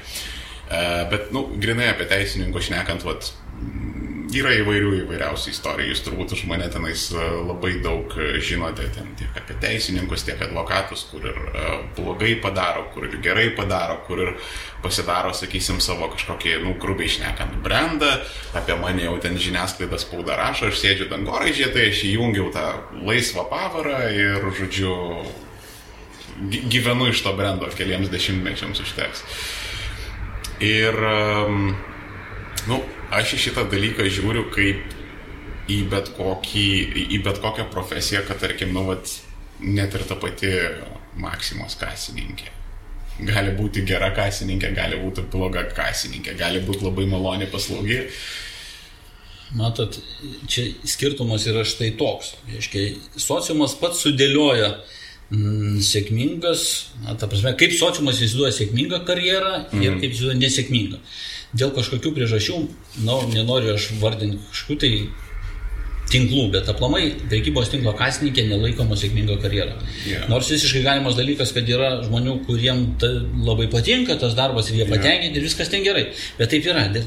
Kažkodėl taip padaryta, kad, pavyzdžiui, advokato profesija laikoma labai prestižinė. Mhm. Na, iš dalies aš ne prieš toks yra tokia opinija yra suformavus. Bet aš čia su jumis nesutinku, kad suformavai brandą tarkim, laimėjai kažkokią X labai ten svarbią bylą, mhm. parodė per visus kanalus ir viskas 20 metų sėdė ir nieko ne, nebus taip. Nebus. Čia lygiai tas pats, kas ir, tarkim, scenos žmonėm, suvaidinai kažkokią labai gerą rolę ir daugiau mhm. nieko nereikia, visi produceriai stovi įsireikiavę ir ten nebus taip. Mhm. Turi visiems, turi pastoviai tobulėti ir, na, nu, žinau, bent jau mano darbė tai labai viskas paprasta. Viskas yra klientų. Jeigu tu tą žmogų myli, jeigu tu su juo tą kelią eini, Tai nesvarbu, kaip pasibaigė.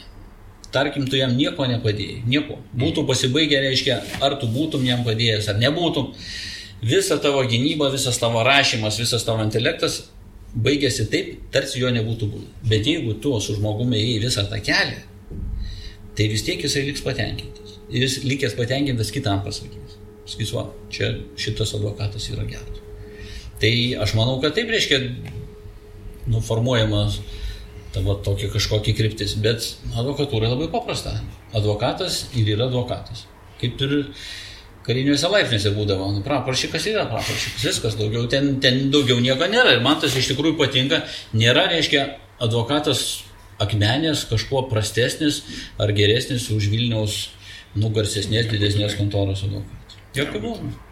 E, čia kaip e, aš, aš galėčiau pavardinti ten labai garsių elektronikos brandų, kur grubiai išnekant šlamštos yra, tiesiog literalus. Ir aš galėčiau pavardinti nauneiminių ten kokių nors AliExpreso brandų, kur daugelį kartų. Tai čia tokie rinkos. Čia marketingas. Marketingas, bet vėl net jau ir tiek, kiek aš dirbu advokatu, Pas musgi buvo advokatūrai draudimas reklamuotis, mhm. paskui jo nebeliko. Mhm. Reklamos ribojimai tam tikrai yra, bet e, nėra absoliutaus reklamos ribojimo. Reiškia, advokatai gali reklamuotis, žinodami ribos tokios reklamos, viskas tvarkoja. Mhm. Anksčiau to nebuvo. Dabar vėl reiškia, atsiranda įdomių gan tokių pamastymų. Jeigu kontora yra stipri, jeigu jos klientai yra galingi, mhm turtingi juridiniai asmenys, visą kitą. Aišku, jos galimybės reklamuotis, ką nors konceriauti yra nepalyginti didesnės negu to kolegos ar kolegijos, kuris dirba individualiai ir provincijoje. Natūralu. Tai tada vėl reiškia filosofinis klausimas, tai tada mes pasidarom jau nebelygiuose konkurencinėse sąlygose. Bet ar jos gerai tas ar blogai? Iš principo. Ko gero ne. Čia, nu, kaip, nežinau, pabandyti sureguliuoti kad ten kokia nors maksima ir ten dėdės Antano, ten kromelis, kur nors, kokiame nors troškūnų kaime ten bandytų. Nu, matot, vėl, jeigu tam, jeigu tam priekybos tinklui būtų labai įdomi traškūnų rinka, senų seniausiai stovėtų. Yeah. Ne vieną parodė dešimt stovėtų tenai. Yeah. Lygiai tas pats, jeigu, reiškia, tam ponui iš traškūnų būtų labai įdomu nu, paverslauti didesnė miestais irgi rastų resursų tą padaryti. Mhm. Sugebėjimų. Nu, jo, čia tam tikros plonybės yra, bet e, mano, aš, aš šitą tiesiog vis tiek norėčiau įvardinti apie tai, ką mes šnekam, yra tam tikrai, kaip sakyt, interesų konfliktai. Čia e, kalbant apie mano žodžius, kurie mm. seks po to, jūs e, esate advokatas, aš esu ten iš profesijos finansų konsultantas. Ir pavyzdžiui, man Lietuvoje čičiuito trūksta kad, nu, pavyzdžiui, kaip vakaruose yra dažnai įprasta su kažkuom konsultuotis. Mhm. Ne? Tarkim, pridavinėja mokesčių deklaracijas, ten eina pas mokesčių konsultantą, yra blogai, ten eina pas psichoterapeutą mhm. vietoj to, kad ten bonkę pasistatė, a, kažkokią sutartį sudaryti ar dar kažką, ar ten pas teisininką, ar ten į advokato kontorą, žodžiu, ten ne, ne, neieškoti ten rekvizituose LT ten kažkokios. E, ir nu, Lietuvoje šitas dalykas pabiškiai įsivažiuoja, aš čia jokiais būdais e, žmonių nei kaltinu, nei ką, čia labiau yra nu, tas specialisto įdirbio reikalas, kad nu, įtikinti klientą. Bet tarkim, mano tas požiūris yra mm, į teisininkus ir ypatingai advokatus, kad tarkim, nu, kaip pavyzdys, aš ten atsiduriu apklausoj, pavyzdžiui, ne ten pastyrėja, nu, vat mane ten už kažką pagauna, vat gatvėje nusiveda, sakysim, mane į ten komisariatą ir su manim šnekas. Ir aš, e, mano mintis maždaug yra tokia, kad geriau aš, nesvarbu, turiu pinigų, neturiu pinigų, bet geriau aš išsikviesiu kokį nors advokatą, vėliau ten ar pasiskolinsiu, ar dėl atidėjimo susitarsiu, ar mašiną parduosiu, žodžiu, kažką. Bet geriau tegul tas žmogus būna ir galbūt, nu, metaforiškai šnekant, aš jam ten sumokėsiu, tarkim, 500 eurų ir ten gal išsispręs geruoju, gražiuoju ir taip toliau. Negu kad aš ką nors prisišnekėsiu, prisidirbsiu, po to tas nukeliaus į teismą, tada aš vis tiek samdysiu advokatą ir aš jam toliau mokėsiu jau ten 5000 eurų, taip metaforizuojant. Čia labai formalus toks pavyzdys, bet jau šitam pavyzdino pradžios jau yra jau negerai. Jeigu jūs, kaip mhm. sakot, pagauna gatvėje, Yeah. Ir jūs veda, o jūs nenorite, tai yra jau sulaikimas. Tai yeah. yra jau faktinis sulaikimas. Ir tokioje vietoje iš karto jūs turėtumėte rėkti, stengtis atkreipti praeivių dėmesį, šaukti, Sakyti, kad va, mane reiškia čia apsimetė, bando vėliau. Ne, bet pareigūnas uniforma. Aš, Nesvarbu. Į tai yra faktinis sulaikymas. Faktinis sulaikymas, jeigu yra, tai turi būti rašomas sulaikymo protokolas. Nuo pirmos sekundės, vos tik tai jau pareigūnas prisistatė ir pasakė, kad jūs esate sulaikomas, nuo šitos sekundės jūs turite teisę į gynėją. Nuo šitos. Jo. Ne nuo tada, kada jūs nuves kažkur nuveš, įmes, bet nuo tos sekundės. Ja. Ir šitoj vietoj, na, aš tikrai ir patarčiau, jeigu yra taip, kad jūs nežinote, jūs gatvėje kažkas čiumpa ir jūs dar abejojat, Mhm. ar čia tai aišku, reikia rėkti, stengtis atkreipti praeivių dėmesį, kad praeiviai reaguotų ir aš manyčiau, kad neprofesionalu.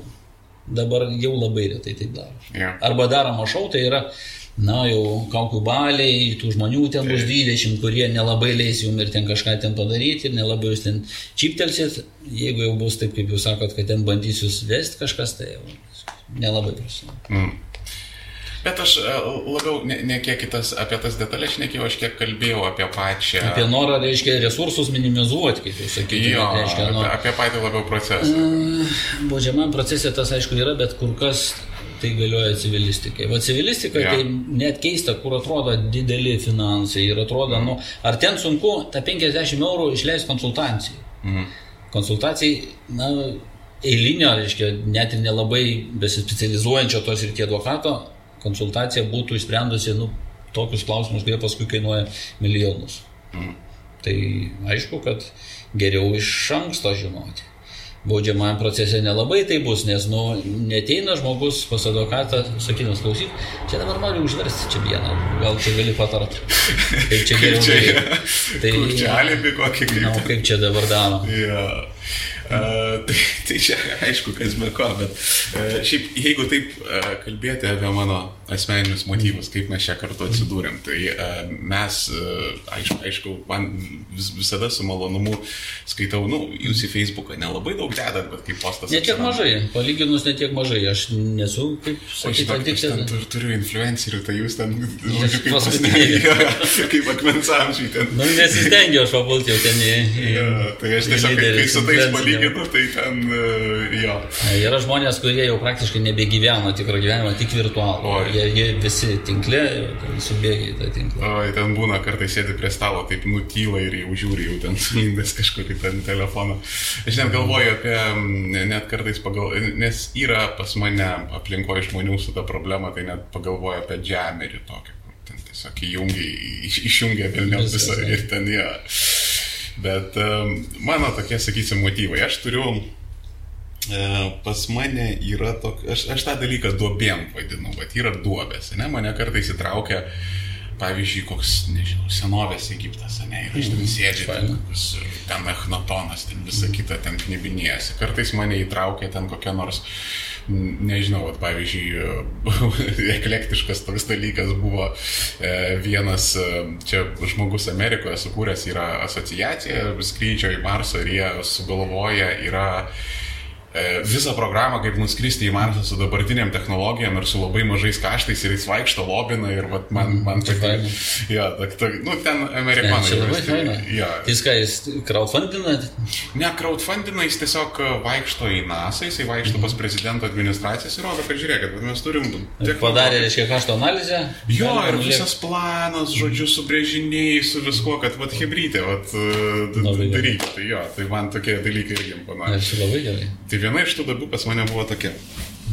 Uh, Rusijoje, uh, YouTube'ose yra labai daug tokio kontento, kur ten pasakoja, nu, iš serijos, ką daryti apklausoje, ką daryti, kai tave ten, vad, maski šau, o monas tave žvaigždutė paguldė. Uh, kaip į kamerą teisingai įeiti, ten, sakysim, ten razuotkės, ten. Matyti, ten labai aktualu, nes to kontento yra kraupiai daug. Lietuvoje irgi tas aktualu, bet, nu, tai paėmus, suprantat, kaip reikėtų žiūrėti tą kontentą kaip į tam tikrą meno rūšį. E, 80 ar daugiau procentų tų konsultacijų bus neteisingos ir jom nereikėtų vadovautis aklai, kaip priimti už gyną pinigų. Mm. Toliau, nu, advokato darbė nėra universalių dalykų. Ne, aš- Kryptis yra. Bet šiaip, kad kontentas toks yra, tai jo, sutinku. Aš, aš ne tai, kad ten apie ten kažkokius tipsus ir triksus čia klausinėti, ten dešimt paprastų būdų įeiti kamerą ir netapdūkų. Ten, sakykim, čia nelabai man tas dalykas įdomus. E, Man įdomiau, jūs nu, vi- vis tiek daugiau mažiau esat e, susipažinęs turbūt ten su Rusijos situacija, su jos realijom, ten plus minus. Ir e, nu, aš, aš tiesiog iš tų, sakysim, konsultacijų, pavadinkim tą dalyką, susidariau tam tikrą vaizdą apie Rusijos teisinę sistemą. Taip? Ir dabar, jeigu tai lyginant su dabartinė lietuviška teisinė sistema, ar yra nu, labai didelis atotrukis, ar... Nu, žinot, vėl, aš nes, nesijaučiu toks jau baisus specialistas Rusijos teisės ir žinovas. Bet keletą paralelių galim sudėlioti ir pa- pabandyti kartu pasiaiškinti, ar čia taip yra ar nėra. Žinot, baudžiamoji teisė yra vienas labai svarbus parametras. Ypač jau man, kaip žmogui iš kriminologijos ryties atėjusiam ir kriminologiją labai mėgstančiam ir dabar daug skaitančiam, tas parametras yra kalinių skaičius nu, tūkstančių gelbėtojų. Įstaigose. A, Kal... ok. Ne, ne, proporcionaliai. Ok. Kalinių skaičius. Yra dar kiti skaičiai, kaip nuteistųjų skaičius. Ne tik kalinių, bet aplamai nuteistų Mhm. Jo. baudžiamosios bylose skaičius. Kalinių skaičius yra labai svarbus parametras. Mhm. Tai čia turbūt nepaslaptis, visi tą žino, kad Lietuva yra kokia vieta Europos Sąjungoje? Dabar nepasakysiu, bet pakankamai. Pirmoji. Ja. Pirmoji. Pirmoji. Pirmoji. Netgi. Pirmoji stipri lyderė atsiplėšus. Ja. Atsiplėšus nuo visų kitų. Kas sekantis eina? Nu, taip iš sportinio interesų. Žinot, kai man įdomiausi mūsų pasiekimai, kai, kai visus ten aplenkiai, tai kas jau ten antras, netaip buvo svarbu. Svarbu estas aplenkėm ir gerai. Nu, estus mes aplenkėm smarkiai, dvigubai beveik. Latvijai netaip toli nuo mūsų atsilikę, bet atsilikę. Mhm. Bet sakau, mes smarkiai viršim visus kitus. Ir šitoje vietoje mes nuo Rusijos atsiliekam netaip jau daug. Ja. Tai tas rodo štai ką. Žiūrint iš kriminologinio taško, iš sociologinio taško, tai rodo, kad mūsų mentalitetas yra ženkliai panašus. Visuomenė nori griežtų bausmių. Ja. Žiniasklaida orientuoja, paima vieną kitą įvykį, kurie iš tikrųjų atsitinka, kaip gerai anglai sako, crimes occur. Ja. Na, išpučia, reiškia. Ir tada visuomenė taip, reiškia, mes galim atsisakyti savo laisvę, mirties bausmę gražinti, ja. pirmien, reiškia. Ketvirčiuot ten Ketvirčių atvaryti, reiškia. Ir tikrai, jeigu ne, sakykime, ne filosofija, bet jeigu ne teisinis stabdys, katras, tiesą sakant, jisai neišsiveda iš formaliosios logikos kad mirties bausmė yra blogai. Tai mirties bausmė iškart būtų atkurta, mhm. pagimdyta ir Amerikai dėl ko yra mirties bausmė. Ne dėl to, kad ten kvailesni už mus teisininkai, ar ten nesupranta, mhm. dėl to, kad tai yra labai didžiulės demokratijos šalis. Ir esant tokiam demokratiniam spaudimui, kitaip tai neina padaryti. Mhm. A, Lygiai tą, patį, lygiai tą patį argumentą naudoja mūsų kaimininė valstybė Baltarusija. Vienintelis reliktas mirties bausmės Europoje. Jo. Va. Šiaip iš, iš civilizuotų šalių, metaforiškai civilizuotų šalių, nu, kur ne Mozambikas, sakysime, ne tai.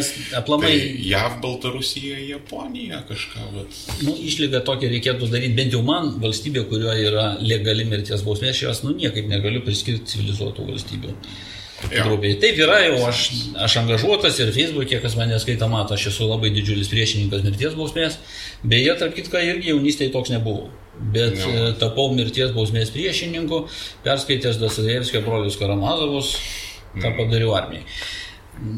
Ir jau paskui kažkaip viskas ten jau, jau taip jau klostės. Tai dabar žiūrėkit, su Rusija lyginam. Šita vieta yra panaši, kalnių skaičius yra panašus.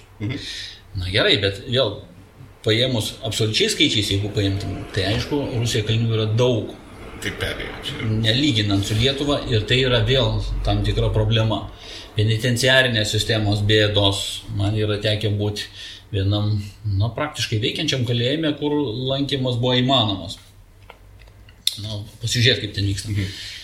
Tai žinokit, nu, kai aš lyginu tą, ką aš mačiau vat, visą eilę metų vaikščiodamas į Lūkiškės, tai nieko nesiskiria. Lūkiškės, va pats jų įdomumas ir dabar, jeigu nesat buvęs, tikrai nueikit. Kaip caras pastatė, tai taip Jo. ir yra. Ir, ir tie radiatoriai tokie, tipo, niekur kitur nematyti, pilna autentika. Kaip nudažęs, kaip caro laikais, nesmetonos kokia nors, Mhm. kad ras ten praktiškai nebuvo, ne praktiškai, niekada nebuvo. ne- Nebuvo, ne-. Va, ne Lenkų laikais, bet kaip caro laikais padaryta, taip ir likė. Tai Rusijai šitą prasme panašokai gan. Mhm.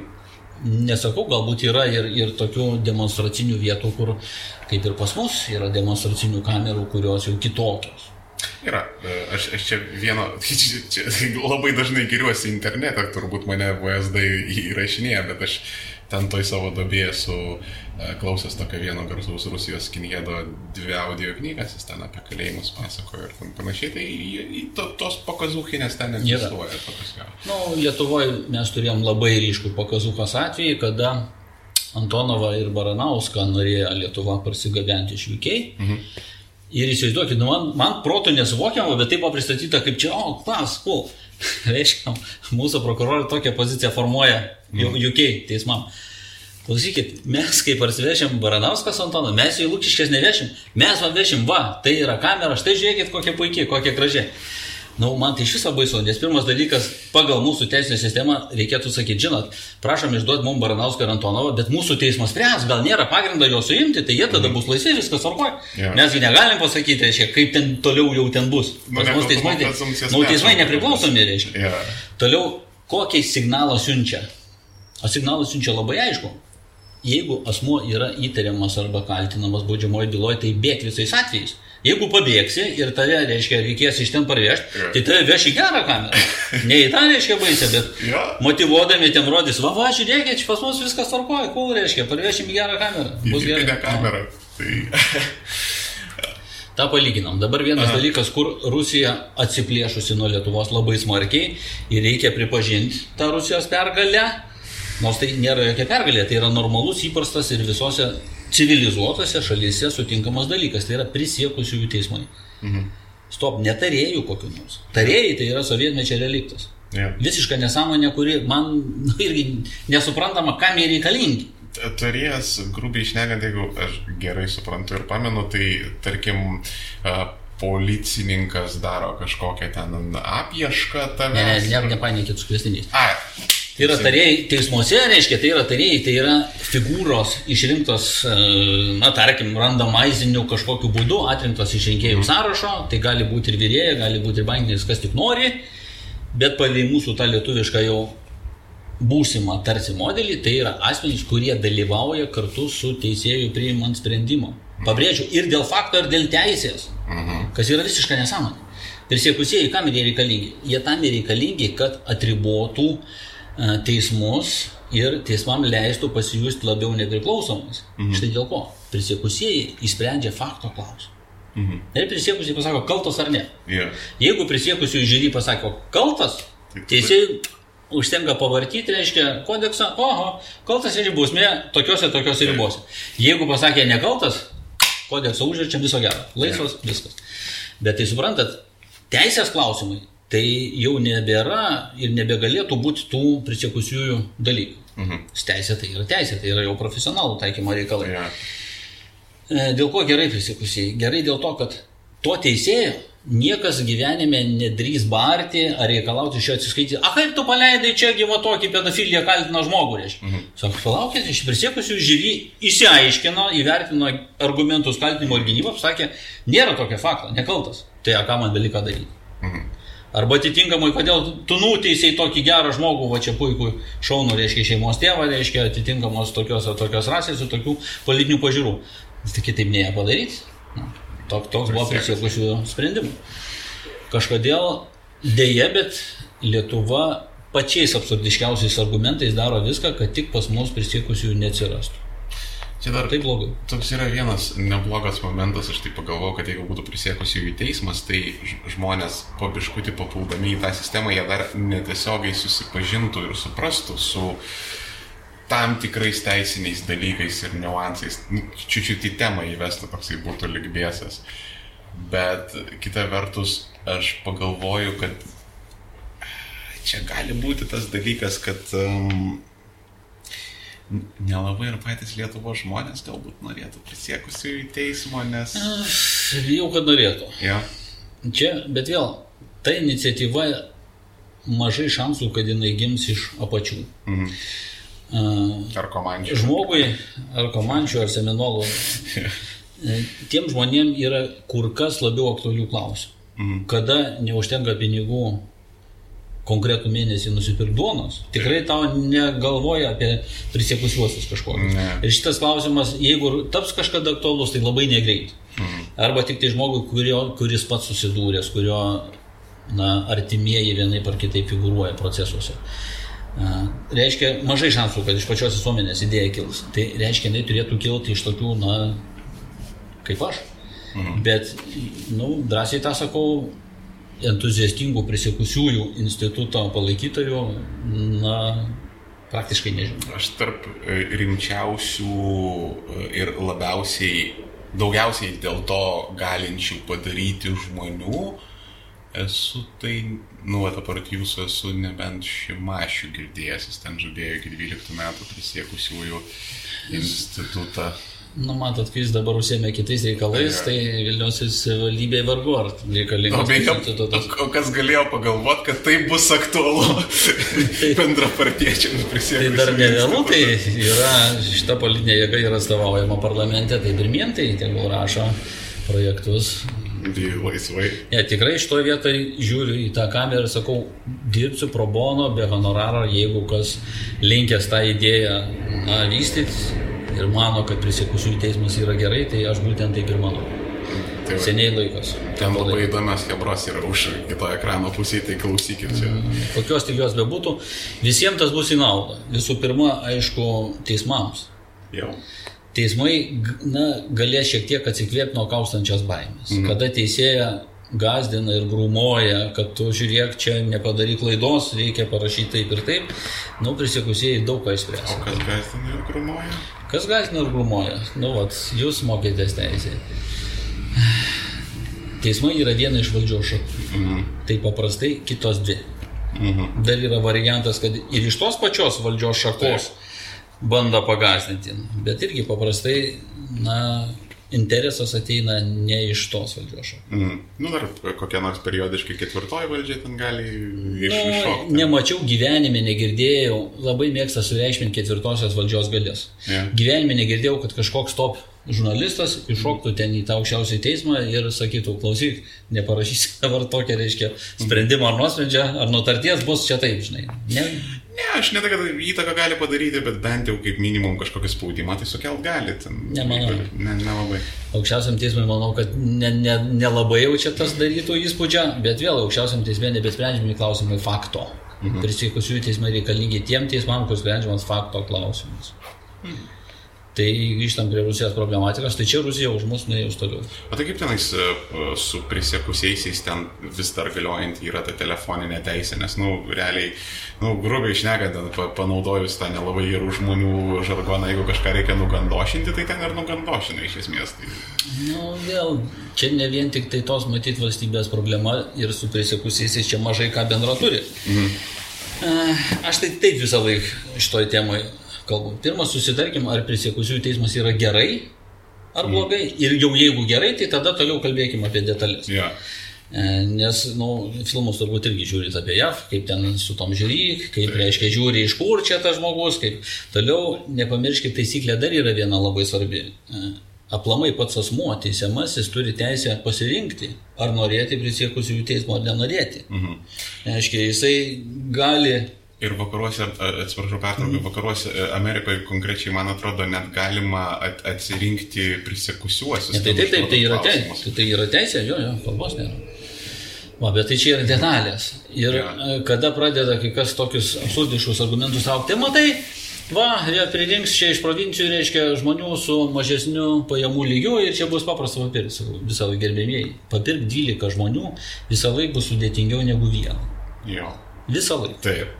Va, tai šitas ir resursų reikės tikrai didesnių, nes jeigu bus žiūri iš 12, nu, gerai, iš 6 ar, ar iš kažkiek ten, visiems bus žymiai sudėtingiau tą padaryti, negu susitart su vienu. Taip. Nu, tai net ir iš to požiūriu, tai yra dalykas geras, nu, žiūrėsim, naujas prezidentas, gal ten bus kažkokių iniciatyvų. Aš kažkaip vil- vilčių nededu, kad kažkas pajudės šito klausimu, nebent kažkoks turėtų būti. Nu, matot, jūs kaip sakėte, yra žmogus, kur vaikšto į NASA ir pasakoja, kad va čia į Marsą galima nuskristi nebrangiai. Tai Tai jeigu aš turėčiau daugiau laiko, kiek jo neturiu, aš tikrai pavaikščiočiau. Bet vėl net ir neaišku, kur eiti. Nueisi į Teisingumo ministeriją ir sakys, baigt. Mes čia dirbam tą, ką reikia, mūsų darbas atbūti nuo 8 iki 5 ir viso gero. Ne, tai aš tą skepsį išlaikau, bet visais atvejais, net ir išlaikydamas skepsį, aš kiek, kiek, kiek galėdamas tokią iniciatyvą tikrai palaikyčiau, ar ten papromautinčiau, ar ka kažkiek ką aš galiu padaryti, tai aš tikrai padaryčiau, nes e, Nu, tai va, tai yra... Jau esam dviese, tai netiek mažai Jo, dar. Nes tas žmogelis, man atrodo, jis vaikšto pas NASA nuo ten 80-ųjų pabaigos, berots ten Dar nesurinko biudžeto. Dar ne, dar ten, ten rimtai yra.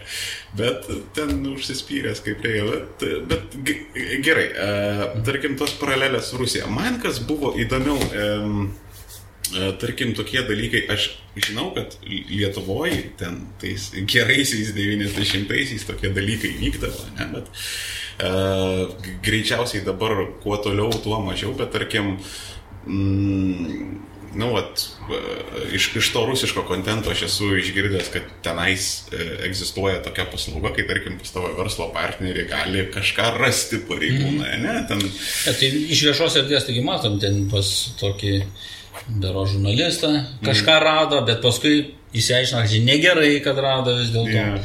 Ir tarp kitko, ir nebūkim tokie jau na, užmaršus. Prisiminkim vieną situaciją su garsiu žmogum, nebijau aš jo pavardės pasakyti, tai yra vertelka, asmuo Taip. nuteistas laisvės atėmimo iki gyvos galvos bausme. kaip, Pas jį irgi kišenėje buvo kai kas rasta. Taip. Tai aš šitoje vietoje išlaikau baisinį skepsį. e, man, aš net žiūrėjau kažkokią dokumentiką ir man atrodo, net pareigūnai pusę lūpų prasitarė, kad sakė, tiesiog mums jį reikėjo sulaikyti. Na tai va, va čia ir yra, va čia ir yra tai, kuo mes panašus į blogas valstybės. Mhm. Neįvardinu kokias, bet pats tas mąstymas, kad mums reikia kažkokiu būdu sulaikyti, Jo. o teisėtai to negalim padaryti, tai mes paimkime ir įdėkime. Mm. Tai yra mentaliteto klausimas ir tai yra labai blogai. Tai mano kolega, advokatas, kuris anksčiau yra buvęs pareigūnų, tikrai žmogus, kuris apie teisę išmano ir jį ištrenkė iš tų pareigūnų su trenksmu, su baudžiamąją bylą, man jį teko ginti, tai jis kada dar buvo pareigūnų ir vadovų, jis taip sakydavo. Mm. Vat kada reiškia, na, daro, reiškia, susirinkimą. Jis sprendžia tokius klausimus. Tai va, reikia, va tas blogas žmogus, visi žinom, kad blogas žmogus reikia pasakyti. Būdavos reiškia slapsas kaip, tai davai gal vis dėlto įdėkime džinsus ten tą. Mhm. Tai tas mano kolegas skaitė, žinot ką, tik jūs turite tarnybinius ginklus. Jo. tai imkite, nušaukite, ko čia dabar. Priešinuosi. Ko tik tai taip reiškia. Sakai, imkite, nušaukite. Tai pradeda galvoti, tai tame ir esmė, kad dėl ko baudžiamasis procesas turi būti tikslus, preciziškas. Jeigu tu žaidži tokiais ginklais, mhm. tu nieko nebesiskiri nuo tų pačių, kuriuos gauni. Ir jeigu teigi, kad jie blogi, o tu pats gėrio vardan įkiši paketėlį su tam tikra medžiaga į jo kelnių kišenę ir paskui randi, esi lygiai toks pats. Bijau, kad dar blogesnis. Bet tarkim, o kaip paslauga, ar jums teko girdėti, ar tebe egzistuoja? Nes, nu, tarkim, tau reikia vat, atsikratyti biznio partnerio, ten visą kitą. Na, nu, žiūrėkit, vėl čia. Aš tokios paslaugos neteikiu, manęs jos neprašo. O tiem, e, pas ką tokios paslaugos prašo, jie nelabai linkia dalintis. Bet mm. visą tą galim pastebėti iš viešos erdvės. Na nu, tai gerai, tai dabar pasakokit, kiek jūs per pastaruosius penkis metus ar ten dešimt matėt top verslininkų, pas kurį rado tokių dalykų. Mm, nelabai. Nelabai, reiškia. Kiek, reiškia, matėt, tarkim, nu, top politikų, pas kurį rado tokių dalykų. Nelabai. Tai matyt, kad greičiausiai spėkim, kad arba tokios paslaugos nėra, arba jinai taikoma kažkokiam kitam formate. Mm, labai nišinė ir specifinė galbūt. labai matysim. E, O tarkim, tokie dalykai kaip a, pres hatos. Čia gal mm. kas, jeigu nesupranta, gali. Pristatykit, kas yra prieskata, aš paskui Pres papasakosiu. hato tai gali būti, dažniausiai tai būna kamera areštinėje, kur tave, e, žodžiu, pasodina ir e, užduotis areštinėje sėdinčių žmonių kad tu ar tai prisipažintum, ar kažkokią čistą serdiečną ten parašytum, ar dar kažką ir tai yra daroma visokiausiais, nu sakysim, ir gerais, ir blogais metodais. Nu, gerų metodų neįsivaizduoju. Nes pats jau, kaip jau pristatėte, reiškia, gerų metodų šis principas negali būti. Nu, tarkim, geri, geri metodai, šnekant apie e, mažiau intervenciniai ir intrusyvūs ne, tai, jūsų personą. Tai, tai nebe prieskata bus. Jūs atskirkit ki- skirtingus dalykus. agentūrinis darbas areštiniai arba laisvės atimimo vietoje kameroje, agentūrinis darbas, tai yra teisėtas metodas ir aprašytas ir viskas čia tvarkoja. Tai iš karto ir skaitytojams, tai klausytojams, reiškia, žiūrėtojams, reiškia, iš karto labai aiškiai konsultacija. Jeigu jau taip atsitiktų, nedaug dievė, kad patektumėte į įstaigą, iš kurios negalite išeiti, nes durys užrakintos iš anos pusės. Mhm.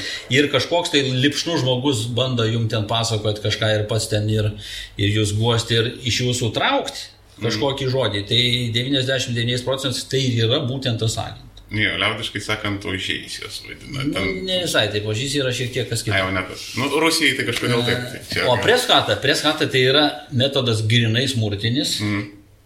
Tai yra būtent asmenys, paprastai jie būna fiziškai stiprus. Tai yra asmenys dažniau nuteisti nereštiniai, dažniau tai bus vis dėlto jau, na, ta prasme, jie patys paprastai bus nuteistieji. Yeah. Ar, ar jie bus areštiniai, jų paslaugomis naudojamasi, ar bus laisvės atimimo įstaiga, izolatoriai, čia jau detalės. Bet jų užduotis yra fiziškai žmogų paveikti. Bet fiziškai ar... pažeminti, sumušti, suspardyti, sudaužyti. E, nu, net nenoriu pasakoti, ką ten dar daro, bet labai jau. Yra toksai vienas niuansas ir aš, aš iš, iš, iš to rusiško kontento pastebėjau, kad kai, kai kurios preschatos yra evoliucionavusios, o aš kaip sakiau, mm. mažiau intervencinis tai jie sudaro tą tokį įspūdį ir atmosferą, kad tuoj tuoj tave dubasins. Tas vad neteina, bet... Vat... Tikslas, vėl, matote, čia du momentai yra. Pirmas dalykas - aplamai pati subkultūra kaip tokia. Mhm. Ir tos preschatos veikėjų darbas ranka rankant su administracija. Taip. Arba su atitinkamai, su kitais netyrimo įstaiga. Kiek jie koreliuoja, kiek jie yra na, kiek jų rėžius ir ribas nubrėžia administracija. Mhm. Deja, bet ir pakankamai nesenoj praeitį man yra tekę girdėti ir iš savo klientų atvejus, kad atitinkamose laisvės atimo įstaigose prieschatos buvo. Mhm. Tiem asmenims, kurie prieschatos, pakankamai neseniai. Kad tiem asmenim buvo taikomos įvairio pos nuolaidos, jie gaudavo visokių, reiškia, nu, gerų dalykų, reiškia, mhm. meduolių iš administracijos ar atitinkamai iš teisminio tyrimo struktūrų, iš spets struktūrų, tam, kad jie užsimtų tais darbais. Mhm. Ir aišku, tai yra absoliučiai neteisėta, negerai ir tokį daiktą reikėtų išrauti su šaknim. Bet jau aš kaip suprantu, tai darosi tai tokia jau retenybė, jau išimtis labiau ne kiek norma. Na, nu, žinot, aš kada pradėjau advokatauti, Tai atveju, kad vienoje ar kitoje policijos nuovadoje, komisariatė būtų naudojamas smurtas, tie atvejai nebuvo tokie reti. Dabar drįstu teikti, kad tai yra retenybė. Mhm. Papuola vienas kitas ir matote, jo. prasiveržia, reiškia, bet tai yra iš tikrųjų daugiau išimtis, o ne taisyklės. Mhm. Man yra tekę matyti labai išlikščių metodų. Jie visi nukreipti į ką? Į siekė išgauti prisipažinimą. Mhm. Tai jeigu manoma, jeigu dar kas nors iš oponentų galvoja, kad prisipažinimas yra labai siektinas dalykas, liūdna. Tai reiškia, kad na, nelabai suvokia baudžiamo proceso. Mhm. Prisipažinimas kaip toks, na, iš tikrųjų visiškai nereikšmingas dalykas kaip mano vienas bičiulis sako, prisipažinimas yra įrodymų karalius. Nu, čia gal no, ne tik jisai sako. Ne jo, čia, čia yra paminėjęs. Kitų asmenų yra sugalvota. Yeah, bet, mm, okei, okay, nu, sakysim, tų dalykų vyksta mažiau, bet aš periodiškai išgirstu, nu, tiesiog su mano veiklos specifika pas mane mm, rezidentų, sakykim, taip atsiranda įvairiose vietose e, žmonės pasakoja įvairius dalykus. Čia, nu, be jokios abejonės galima iš karto disclaimerį pasakyti, kad aš nežinau, ar tai tiesa. Ne, tai tiesa, ne. Taip. Mhm. Čia, nu, tiesiog su poligrafu netikrinau, nu ir galų galę tas pats poligrafas. Poligrafas, tarp kitko, yra toks. ja, ten, ta, kaip su virgulėm, vos ne. Jeigu kam nors siūlys tikrintis poligrafo, atsisakykite. Visiškai. E, Čia, čia, nu. Geriau, nežinau, su žirklėm ar ten su svambalo, tai daugiau teisybė. Tikslumas svambalo, ten geresnis. ja, ten kažkas panašaus tokio ir ten e, realiai, e, tikrąją to žodžio prasme, poligrafą net galima apeiti, ten biškiai įvaldžius e, žiedinį raumenį ir ten yra įvairiausių. Net tam esmė, kad apeiti, bet klausimas yra, kad tai yra lemputės ir, ir skalės, kurias interpretuoja, kad visiškai priklauso nuo, nuo to, koks Jonas ar Petras rašo. Reakcija yra. Taip. Ne, tai mes dabar čia sėdim, tai yra kažkokias tai yra organizmo reakcija, kažkoks parkaitavimas kažkokiose vietose, kažkokias mimikos, kažkokias pauzės. Na ir štai dabar, kaip tu jas interpretuosi? Tai va, kada interpretuoja žmogus gaunantis algą iš tų, kam reikia, kad jis interpretuotų taip ir taip, tai štai yra atsakymas.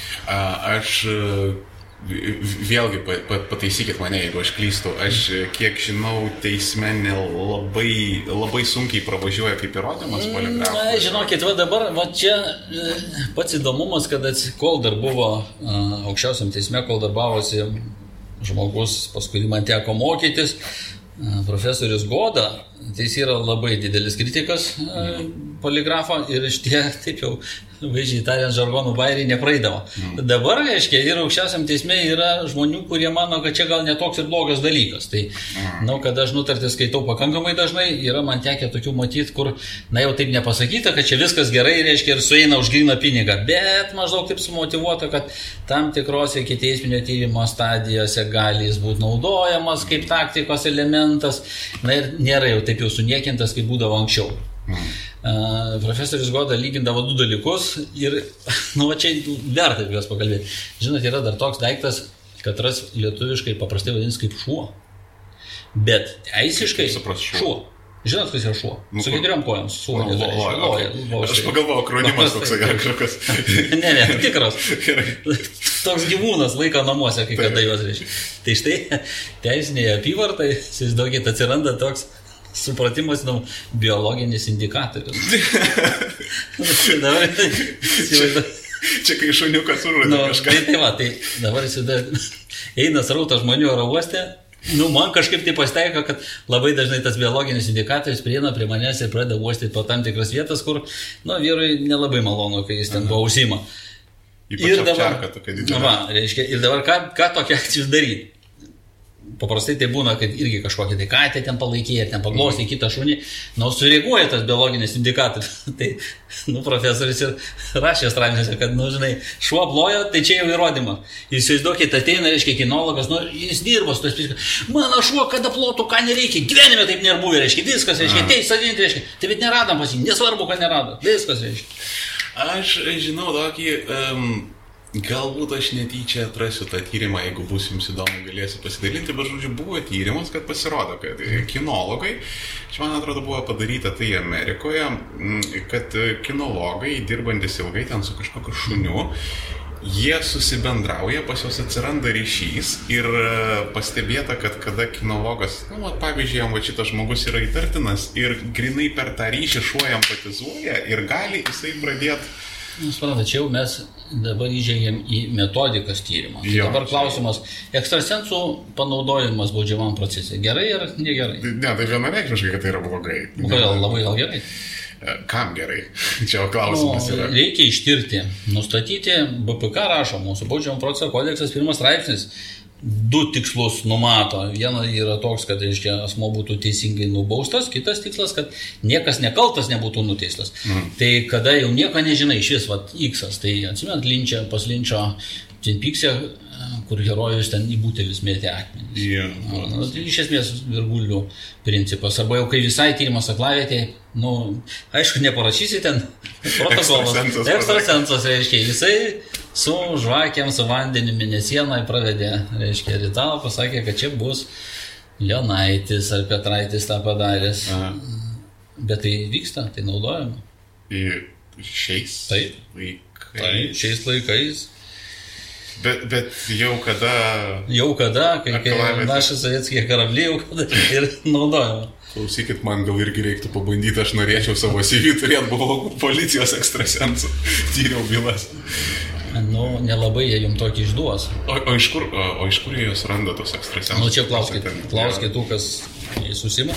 Bet vėl, nu, ką žinau, tokie metodai, jeigu jie padeda nustatyti kažkokius faktus ir tie faktai paskui būna nustatomi kažkokiais kitais būdais legalizuojami, mm. nu, let it be. Nu, ok, bet, nu, gerai, daleiskim uh, su biologiniais indikatoriais, ne? Nu, aš uh, kažkokį pagrindimą suprantu, kad, pavyzdžiui, vėlgi per tą ten empatinį ryšį gali atsirasti pagrindo ir tam panašiai. E, Su poligrafais tai aš esu girdėjęs čia la- labiau apie e, Ameriką šnekant, kad šituo aparatu yra piknaudžiaujama valstybės tarnyboje, kada reikia išniešti kažkokį Taip, žmogų. tai ir Lietuvoje lygiai ta pati recepcija. Viskas buvo tvarko. precedentų, taip. Buvo. Buvo, tikrinosi, taip.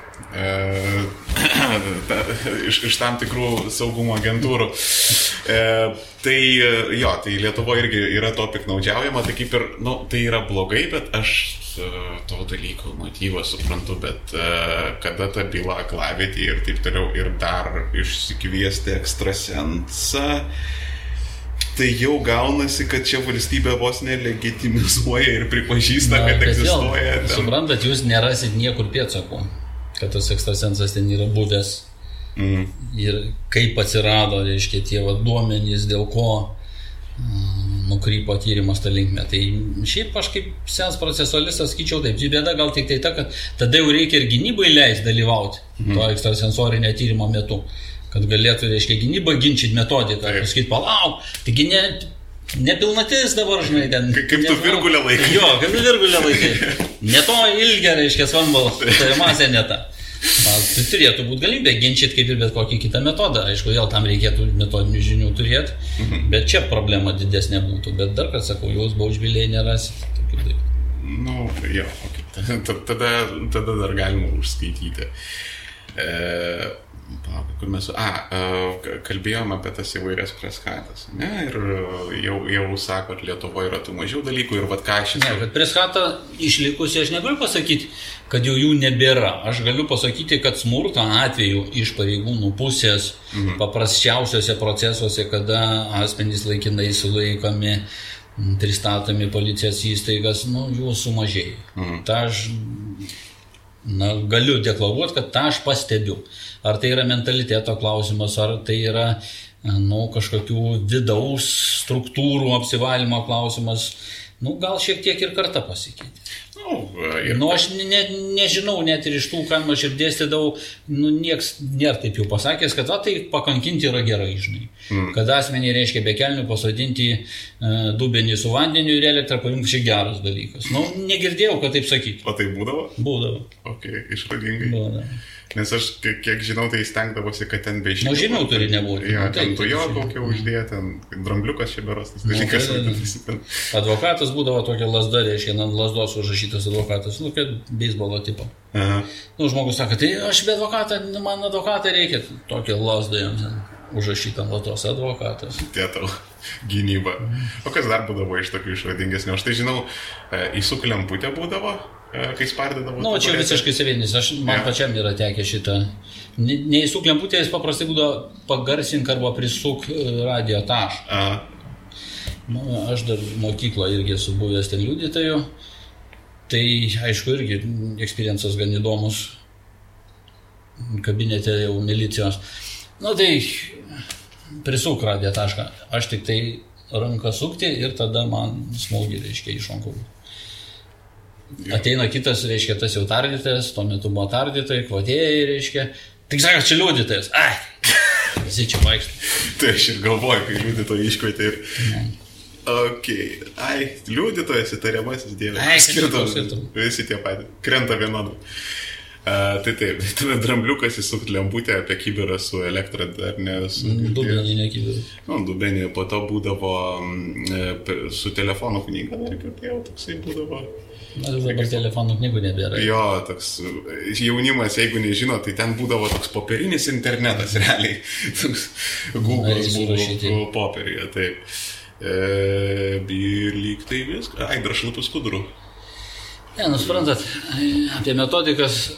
Jie ten išradingai. iš Jeigu, jeigu įdomu, kam kankinimo metodikos, tai skaitykit vat, e, bylas ir kur Lietuva pralaimėjus iš CŽV kalėjimo, tai visos jos ten yra mm. aprašytos. A, Tarp kitką apie metaliką, reiškia, buvo įvykis, kad būtent Hetfieldo muzika, reiškia, metalika leisdavo kankinimam.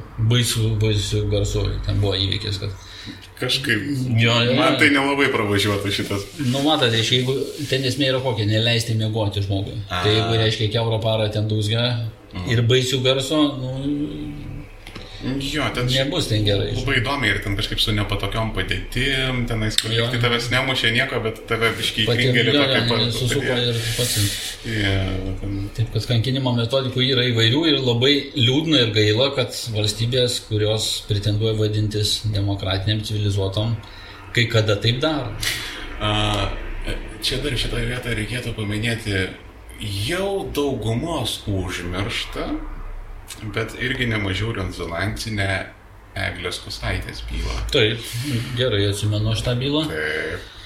Taip, nu, klauskit. Ir pavyzdžiui, buvo toksai labai įdomus momentas, kai e, atvažiavo FSB agentai mhm. čia pas VSD. Taip. Ir, e, nu, e, jeigu kas nežinot, tarp saugumo agentūrų yra tokia praktika, ne? Man reikia ten Lietuvoje patardinti mhm. lietuvį, aš išsikviečiu ten, pavyzdžiui, kokį Lenką, ten jų FSB šnika, nežinau, kas ten pas juos yra. Nu ir tas Lenkas, taip sakos, patardo. Arba ten man reikia pašnipinėti ne, nelegaliai, kad ir tą patį sirvydį, aš e, ten nueinu pas Latvius, paklausiu Latviją, -hmm. davai šitą pašnipinėsiu, ten kokį Lacis ten zirga galvo, jūs. Nu, grįžkim prie, kus, prie kusaitės. Jo, tai uh, tokiu pagrindu atsiranda turbūt Tai- FSB agentai. Nors ten interesas Grįžkim, buvo. bet- grįžkim į paprastą teisinį reguliavimą, gryną raidę sutarties ir įstatymų. Mm. Tokios sutarties tamprios teisinio bendradarbiavimo, kokia yra tarp Lietuvos ir Rusijos, nėra, man aplamai nėra žinoma, kad Lietuva Jo. dar su kuo nors turėtų tokią. Mhm. Tai yra tampriausia, kokia tik be gali būti įmanoma bendradarbiavimo sutartis ir kas įdomu, kad jinai selektyviai, bet vykdoma dar ir dabar. Kai kada, va, pavyzdžiui, ne per seniausiai išdavė, Ai. išdavė vieną Na, pilietį, reiškia, viskas gerai, reiškia. Mhm. O pagal tą, taip kaip ten yra sureguliuota, sureglamentuota, tai ta savitarpio pagalba, reiškia, baudžiamosiose civilinėse bylose, jinai, na, galima labai tampri.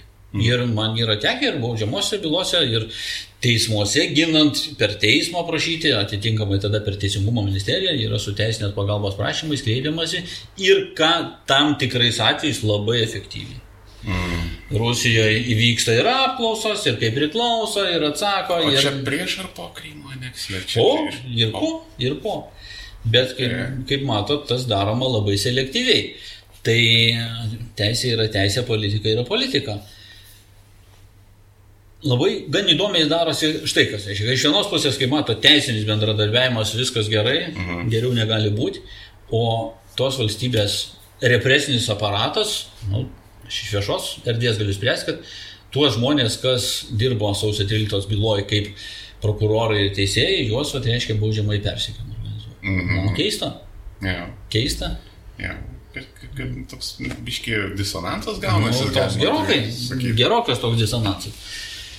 E, Aišku, kad būtų taip neturėtų, jo labiau, kas sakau, žiūrėkit, bendroji tas mainstreaminė politika ir tam tikrų ir asmenų ir nori jų tiražuoja tą mainstreaminę politiką, kad Rusija yra baisus blogis, viskas ten yra baisiai blogai, reiškia, o tuo metu Kusaitės, reiškia, ir iki Kusaitės, reiškia, dar tos istorijos buvo teigiama štai kaip Čečenija yra baisus geris, Rusija yra baisus blogis.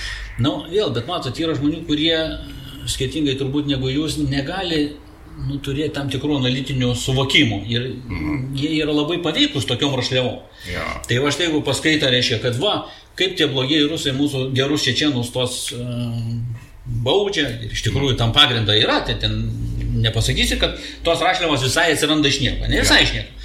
Bet jeigu tos rašliavos vyksta, vyksta, vyksta, vyksta, tai dar kartą sakau, atsiranda paveikus asmuo, jis galvoja, tai palaukit, aš darau Lietuvai gerą darbą. Mhm. Aš važiuoju padėti savo čečienam draugam, reiškia, ir vat maždaug ne tai, kad susisprogdinu e, darželį vaikų ten kažkur Jo. mokykloje, bet aš ten vat kariniam dalinį apie karinę dalį. Tai kai pradedi galvoti dabar, tai palaukit, tai čia gal toks žmogus čia daro gerą darbą, kaip ir, Mhm. ar blogą. Jo. Kaip čia taip gaunasi? Va, tai čia yra ta takoskira, kur neįmanoma ta plikoji teisė visiškai, e, nu, ji negali operuoti pati tik tai su savo objektu. Reiškia, objektas visiems turi būti platesnis, Jo. o ypač jau kur jau kur baudžiamoji teisė. Negalima, reiškia, sukonstruoti tą labai paprastą nusikaltimo sudėties savoką ir pasakyti, viskas mūsų niekas absoliučiai ten daugiau ne- nedomina. Tai palaukit, tai tada labai domina. Jo, nu čia e, tas dažnai yra ne, neatsakingumas iš tiesų. O dar vieną bylą prisiminkim. Mm. Aišku, be detalių, nes aš saistomas esu konfidencialumo pareigos. Okay. Gyniau aš vienoje baudžiamoje byloje. Asmuo rašė internete komentarus. Viskas yra kaip tik 2014 metų postmaidaniniai reikalai, kaip tik Donbasas, kaip tik ar tai pavadinkim ATO, ar tai karas, reiškia. Ir tas žmogus rašo piktokus iš tikrųjų gan komentarus, negražiai jis ten išsireiškia ir apie atitinkamą, reiškia, tautą jis ten pasisako, pakankamai negražiai. Mhm. Bet tokių komentarų ir žymiai aršesnių pilna. Ja. Ir net suprantat, kai, kai pasižiūri interneto tą straipsnį, aha, yra komentaras dar baisesnis negu to žmogaus, bet jis ateina iš Airijos ar ten iš Anglijos, iš šitų ja. asmenų atžvilgių jokio tyrimo nėra, viskas gerai, nieko mm. jiem nėra. O šitam žmogui yra, dėl to, kad jį lengva reiškia suras. Pas jį nueina, tu rašai, o aš rašiau. Ne tai, kai sakytų, ar tai ką žinau, čia kaimynai pas mane ateina, čia buvo gėdavim, belekas, čia ten, ką žinau, nieko ne. Viskas būtų. Bet ne, jis sako, taip, aš rašiau dėl to, kad aš taip galvoju, mhm. aš taip manau, reiškia, aš taip manau, manau kontekste grinai šitų įvykių, šitos politikos, manau, nebendrajam. Ir taip ir rašiau, o dėl to, kad taip galvoju. Ir dabar taip galvoju. Viskas, asmuo yra nuteisiamas kriminalinė bausmė ir praeina per visas instancijas. Tas nuteisimas. Okay. okay, o kokio rimtumo kriminalinė bausmė? Na, nu, į kalėjimą nesėda, bet, būtų nuteistam baudžiamoji byla, bet kuriuo atveju nėra faina. Ne, bet kuriuo atveju nėra faina. Nelabai. Na, nu, tai, kaip matot, su neapykantos kurstimu yra įdomu gan dalykų. Bet uh, aš, aš apskritai esu tos žodžio laisvės kraupus absoliutistas. Nu, kad, ko gero aš irgi. Nes uh, čia atsiranda, o su tais visokiais neapykantos kurstimais, ten, sakysim, simbolikom ir panašiai. Ten yra tiek daug pilkos zonos, kur ten galima pridaryti. Ten viskas vien pilka zona. Ir ankstesnė teismų praktika, tai man jinai buvo aiškiai ir patiko. Kada, reiškia, jeigu yra taip, reiškia, jau prasideda aktyvus veikimas, susirinka organizuotų, aktyvių, kai kada ir dar pagramų žmonių, reiškia, ja. burys, pasima uždegamusios, reiškia, uždegamojo mišinio butelius ir sako, dabar mes eisim ir įvardina etinė kažkokia grupė, ja. eisim į jos gyvenamą vietą ir visus vatuos, vat, nevardinu tautybių, visus reiškia jos. Taip. Tai čia jau yra aktyvus veiksmas, jau čia jau konkrečiai, čia ne taip, kad pasisklaidimas, kad vat, maždaug tie ar anie reiškia ta mhm. tautybė bloga. Arba sakysim, daug kartų kvietimas parašytas, kad eikim ten atitinkamai. Eikim tuos, reiškia, ja. skatinimas aiškių konkrečių veiksmų taip. ir su tesiniu numanomu. Taip. Tai Europos žmogaus teisų teismas ir sako, reikia žiūrėti, koks yra kontekstas. Jeigu yra kontekstas yeah toks eskaluotas, kad to gali ir užtekti jau, mm. tai tada jau tas svarbu. O jeigu kontekstas nėra toks, tai yra, jeigu yra įprastas stabilumo lygmuo, tai, na, žodžio laisvė turėtų nukonkuruoti viską. Absoliučiai. Ir aš taip, grinai taip fantazuojant, ne? E, grinai taip fantazuojant, žiūrint, kokių buvę yra precedentų su mhm. šitais žodžio laisvės dalykais. Mm Tai teoriškai kokį nors labai didelį partizanų palaikytoją galima būtų irgi užtempti ant to. Jeigu tik tai būtų noro. Jo. Jeigu tik tai jo. būtų noro. Noro ir motivacijos. Tai tiesiog. Ten matot, vat bėda yra štai kokia. Kada bandoma teisiniais svertais išspręsti istorinius klausimus, kurie planai yra labai sudėtingi ir labai sunkiai sprendžiami. Ir neteisės darbas. Ir neteisės darbas tą yra daryti. Tada ir atsiranda tokios bylos kaip vat, uh, Drėlingas prieš Lietuvą ir, mhm. ir panašios. Na, tada klausimas, kas tas genocidas yra, ar čia yra genocidas, ar nėra, ar tai čia socialinė grupė. Kraujelio baudžiamoji byla, kur iš baudžiamosios teisės taško tai mažai apie tai mažiau buvo kalbėta, bet pats vien pats faktas, kad kraujelis nusišovė pats. Mm. Viskas, jisai eliminuoja bet kokį baudžiamąjį teisinį persikį. Yeah. Viskas. Yeah. Na, nu, Bet yra taip, kaip yra. Ir tos, tos vat, idėjos jos nenumiršta, yra palaikytojų. Žinot, aš sakau, aš perskaičiau daug kartų savo tėvo bylą. Mm. Nėra jinai tokia ten didelė. Perskaičiau keletą kartų aš ją, pasižiūrėjau, kas ten liūdėjo, kaip ten liūdėjo. Bet, na, nu, ir mano tėvas buvo, šituo aspektu buvo labai, nu, pak, Nu, labai protingas žmogus. Baigtų. Tai sakau, jau kada jau čia jau viskas reabilituotas, viskas. Mm. Tai dabar sakau, vad, matai, va čia tas tavė ten pridėtas. Eik, kad čia baigtų juokus. Tokia buvo situacija, reiškia, tampamas ten Hetfieldo muzikos bes klausydamas kelias paras netatenčinai, pasakysiu. Yeah. Tai šitoje vietoje tikrai nebuvo noro jokie keršyti ir kažką tenai aiškintis kaip čia kas. Uh, ir, na, nu, šiaip man Aš nežinau, čia, aš, aš tą dalyką vadinu jautrios dušios veganais, kai, sakysim, ten kažkas, e, kai, kai žmonės pradeda kovoti su simboliais, su žodžiais. Nes, nu, Jo, simboliai labai faina, žinot, man kas patinka. Simbolika tai iš vis yra viršūnė. yeah. Yra tam tikri simboliai, kurie a priori yra blogi. Taip. E, tų simbolių mėgėjai sako, ne, ne, viskas čia gerai, čia yra ten baltų ženklas, ar ten, ar ten palaukit, ta žvaigždė iš tikrųjų, va tokia pati, ten penki, penki, taigi jinai yra mm, JAV vėliava tokia pati. Tai kaip čia dabar šitokios spalvos gera, šita jinai bloga. Taip. Ir man e, įsiminė toks momentas, reiškia, vienas iš tų blogų, viena iš tų blogų simbolikų yra pjautuvas su kūju. Mhm.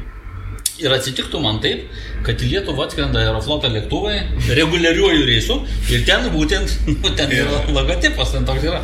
Tai paskui net reikėjo taisyti, net, žinokit, pataisę ANK, mm. atitinkamai, kad, va, jeigu tai yra jau oficialus, reiškia, ženklas, tai tada nieko. Bet gerai, bet. Kariauna žmonės, Adidas ar ten kažkoks kitas prekė ženklas, nu, jų tokia rinkodara, nu, blogai, žinai. Bet, nu, vėl, jeigu jums nepatinka tas ženklas vienas ar kitas, kažkokia totalitarinio režimo, tu jūs niekada nepirksit ir pamatęs tokį žmogų, nu, tam tikrą jau kažkokią tai matysit naratyvą. Aš, jau. aš taip atvirai pasakysiu, jūs e, pa, pa, pasakėt pakankamai uh, advokatiškai, aš tai pasakyčiau taip, jeigu aš matau žmogų gatvėje, va čia susvastik ant maikės, ačiū tu man sutaupiai laiką, aš jau Taip. žinau, kad tu idiotas. Iš karto. Nu, aš negaliu taip svarkiai pasakyti, gal yra kažkas privertė ar ten susilažino, ar dar kažką tai stikrino, ar sots eksperimentas, bet šiaip, nu, nėra gerai. Jo, bet... Nėra gerai ir Jo. Yra, tu- nu, bet taip yra, jeigu, jeigu žmogus manifestuoja taip, tai jis tikrai sutaupo daug laiko, reiškia, tai yra, jau matyti tada aš jau stengsiuosi praeiti kažkaip gal ten keliais žingsniais toliau, ar ten mm, vaidinti, kad nematau, geriau nesivelti diskusiją apie to ženklo gerumą, ar ten blogumą, ką čia su juo reikėtų daryti. Jo, ir esminis daiktas, kad visus tuos dalykus, tai yra uh, dujų kameros, lageriai, um, tos, uh, tie nežymėti kapai užpildyti, tenai, sakysim, tais kūnais. Tai čia ne kūjų su pjautuvu, čia nesvastika darė, ten konkretų žmonės stovėjo už tų šautuvų ir e, vairavo tuos traukinius ir dalyvavo procesuose ir taip toliau.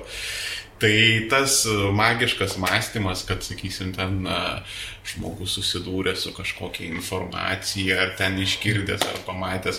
Aš galiu pasakyti, aš skaičiau Kampf, nu, e, šūdas. Jo. Visiškai neįdomu ir... Nedravina manęs ir... Aš, aš nežinau, koks tu turi būti idiotas, kad nuo to patapti naciu. Nu, realiai, bet Nu, man tas, aš laikais. įsivaizduoju, kad vien labai sunku projektuoti, reiškia, mums a, iš dabartinio suvokimo ir istorijos, reiškia tai, kas buvo tuo metu. Aš apie šiandieninį Vėlgi, kontekstą reiškia, labiau. Mein Kampf matyt kaip po toks, reiškia, vien jo užtekę nebūtų. Ne, ne. Tai yra tik tai viena sudėdamoji dalis ir matyt pakankamai netokia reikšminga visam kontekste kitų įvykių. Mm. A, Aš irgi, kaip ir jūs, kaip sakėt, esu visiškas, na, žodžio laisvės šalininkas, ta prasme, aš manau, kad Mein Kampf turi būti, mhm. turi būti laisvai prieinama, tiek turi būti bibliotekoje, tiek turi būti egzempliorių, kad galėtų visi paskaityti.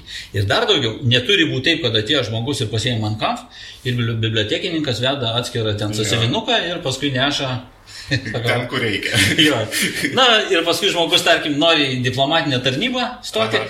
žinai, tu netinki, tu su teisiniu įsilavinimu, ten netokia. Bet kažkada. A, tai, čia- ne, ne, nepasakys to. Šit, šitą negalima pasakyti, tam yra reikalingas poligrafas.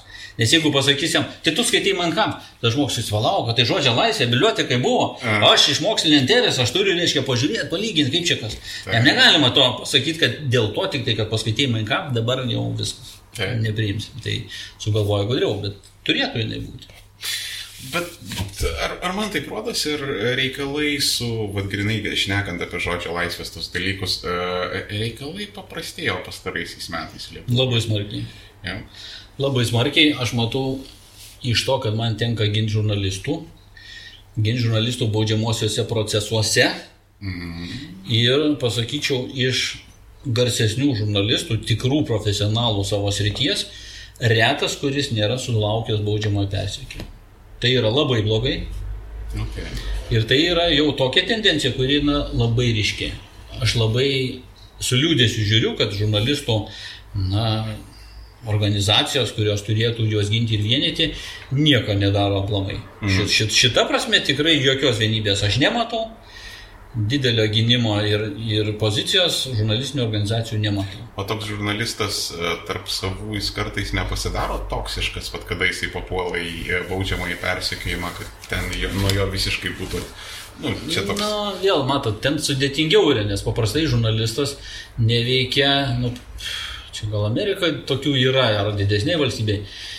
Žurnalistas neveikia kaip visiškas individualas. Ja. Dažniau, reiškia, jisai veikia kaip kažkokio mas medijos atstovas. Mhm. Tai ta mas medija geriausiu atveju išlaiko neutralitetą arba šiek tiek padeda. Bet jeigu matys tik tai mas medija, kad reikia nusikratyti, to žurnalisto tikrai jo nusikratys ir taip yra istorijai buvę. Ja.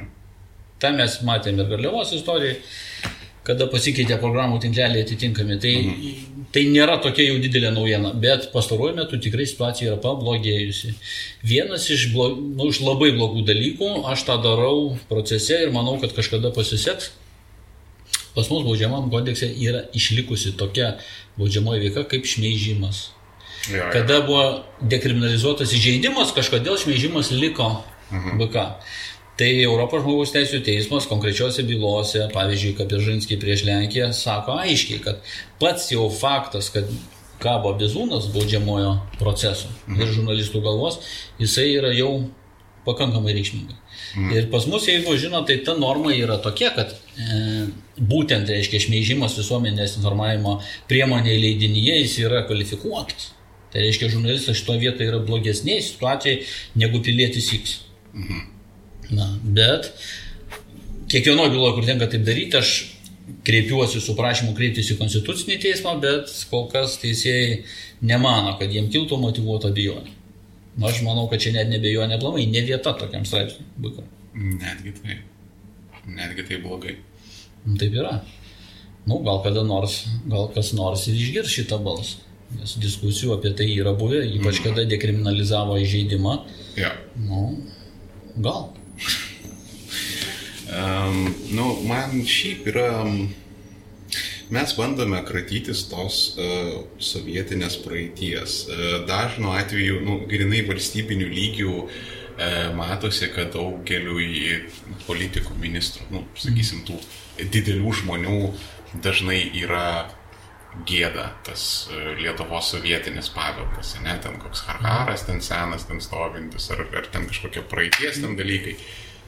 Bet sovietiškiau už tokią normą, Nu, sunku sugalvoti. baudžiakas už šmeižimą, Aš jums pasakysiu dar vieną dalyką. Dabar nuo 90-ųjų iš esmės jau mes turim 30 metų. Mhm. Ir tas baksnojimas, kad tai va čia va sovietinis paveldas, dar čia va vis sovietinis iš sovietmečio, tai jis lygiai toks pats ir jis, nu, semantiškai jis tos pačios prigimties, kas buvo sovietmetį, sakydavo, čia va buržuazinio nacionalizmo reiškia palikimas. Visą laiką tai baudžiamosiose bylose taip ir gindavo.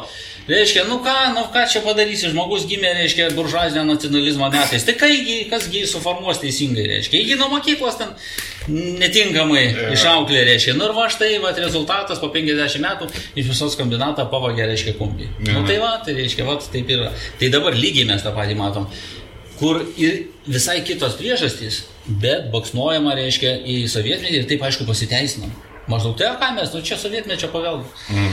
Pravieniškių byloja, kad rogi ginu vat, e, dėl nusikalstamo susivienijimo esą buvusio pravieniškių. E, Man atrodo, tie žmonės yra įvardinti kaip pravieniškių mafija. Nu, čia yra vėl kita ir di- didžiulė problema, kad atsitinka taip, kad kaltin- kaltinamasis aktas, pavadinamas knyga, užrašoma autoriaus pavardė ir kaltinamasis aktas inkorporė pardavinėjimas. Okay. Ir jisai sueina už gryną pinigą ir žmonės, kurie pasiskaitė tą knygą, kas yra kaltinama akto versija, mano, kad jau viskas čia yra. Va, bet būtent ten irgi, žinokit, tai ten, kada kalbam apie subkultūros kaip reiškinio paplitimą, tengi yra asmuo kaltinamas ir valstybės parei- pareigūnas, kaip esą buvęs dalyviu, mhm. kas yra jau nauja tokia krekždė, gan Mhm. irgi boksnuojama, kad va, matai, ta subkultūra ateina iš sovietinio paveldo. Visiškas blefas. Ja. Po 30 metų ten nieko nebėra. Ir, ir jau, jeigu žiūri tą kontentą, tas zonas subkultūra Rusijoje jinai visiškai kitokia negu čia.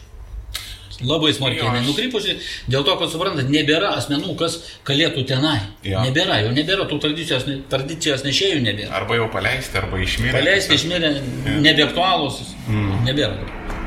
Tai va, tai kalbant apie tai, sakau, baksnuoti ir vis, visų kuo kaltinti sovietmetį būtų labai paprasta. Labai mėgstama, daroma. Tai dabar, e, vat, biškių užvedėt apie pravieniškės tą e, temą. Daug rezonansų čia šitoje vietoje. Tai, e, ir ta Delfi dokumentika, man atrodo, taip ir vadinosi pravieniškių mafija, ten kažkas tokio. E, taip, jeigu be, man, atrodo, jums kaip ir dabar ne, nepridėrėtų um, daryti to, toli siekiančių kažkokių tenais išvadų tam, tam procesus, bet e, taip, nu, jeigu primityviai išnekant, ta įspūdis yra dabar, kad ta, pra, tos pravieniškės yra juoda zona. Mm, Nu, kas reiškia ta, ta, ta įkalinimo įstaiga, kur e, kaliniai valdo procesus, tai tas yra apskritai pagrysta kiek- nors, ar tai yra totalus, kaip jūs sakėte, blefas. Labai sudėtingas kompleksinis klausimas. Pirmas dalykas, bet kokioje įkalinimo įstaigoje nelaisvų asmenų paprastai bus gerokai daugiau negu prižiūrėtojų ir administracijos. Paprastai. Ką tas reiškia? Tas reiškia, kad administracija turi, čia legalu visiškai, viskas čia tvarkoja, administracija turi turėti asmenys, su kuriais komunikuoja, kad nereikėtų komunikuoti su visais nuteistaisiais. Na va, dabar ir atsiranda klausimas, tai ar tuos komunikuotojus pati administracija nustatys? Mm. Jeigu jie tai padarys ir nustatys pagal tuos kriterijus, kurie administracijai pa parankus, su šitais asmenim niekas nekalbės. Mhm. Jau čia, čia kalbos negali. Tai reiškia, kad administracija turi vienaip ar kitaip kažkokius demokratinius procesus palaikyti. Mhm. Tai yra leisti asmenim iš savo tarpo įsirinkti tuos, su kuriuos, nu, kuriuos jie laiko autoritetais. Mhm.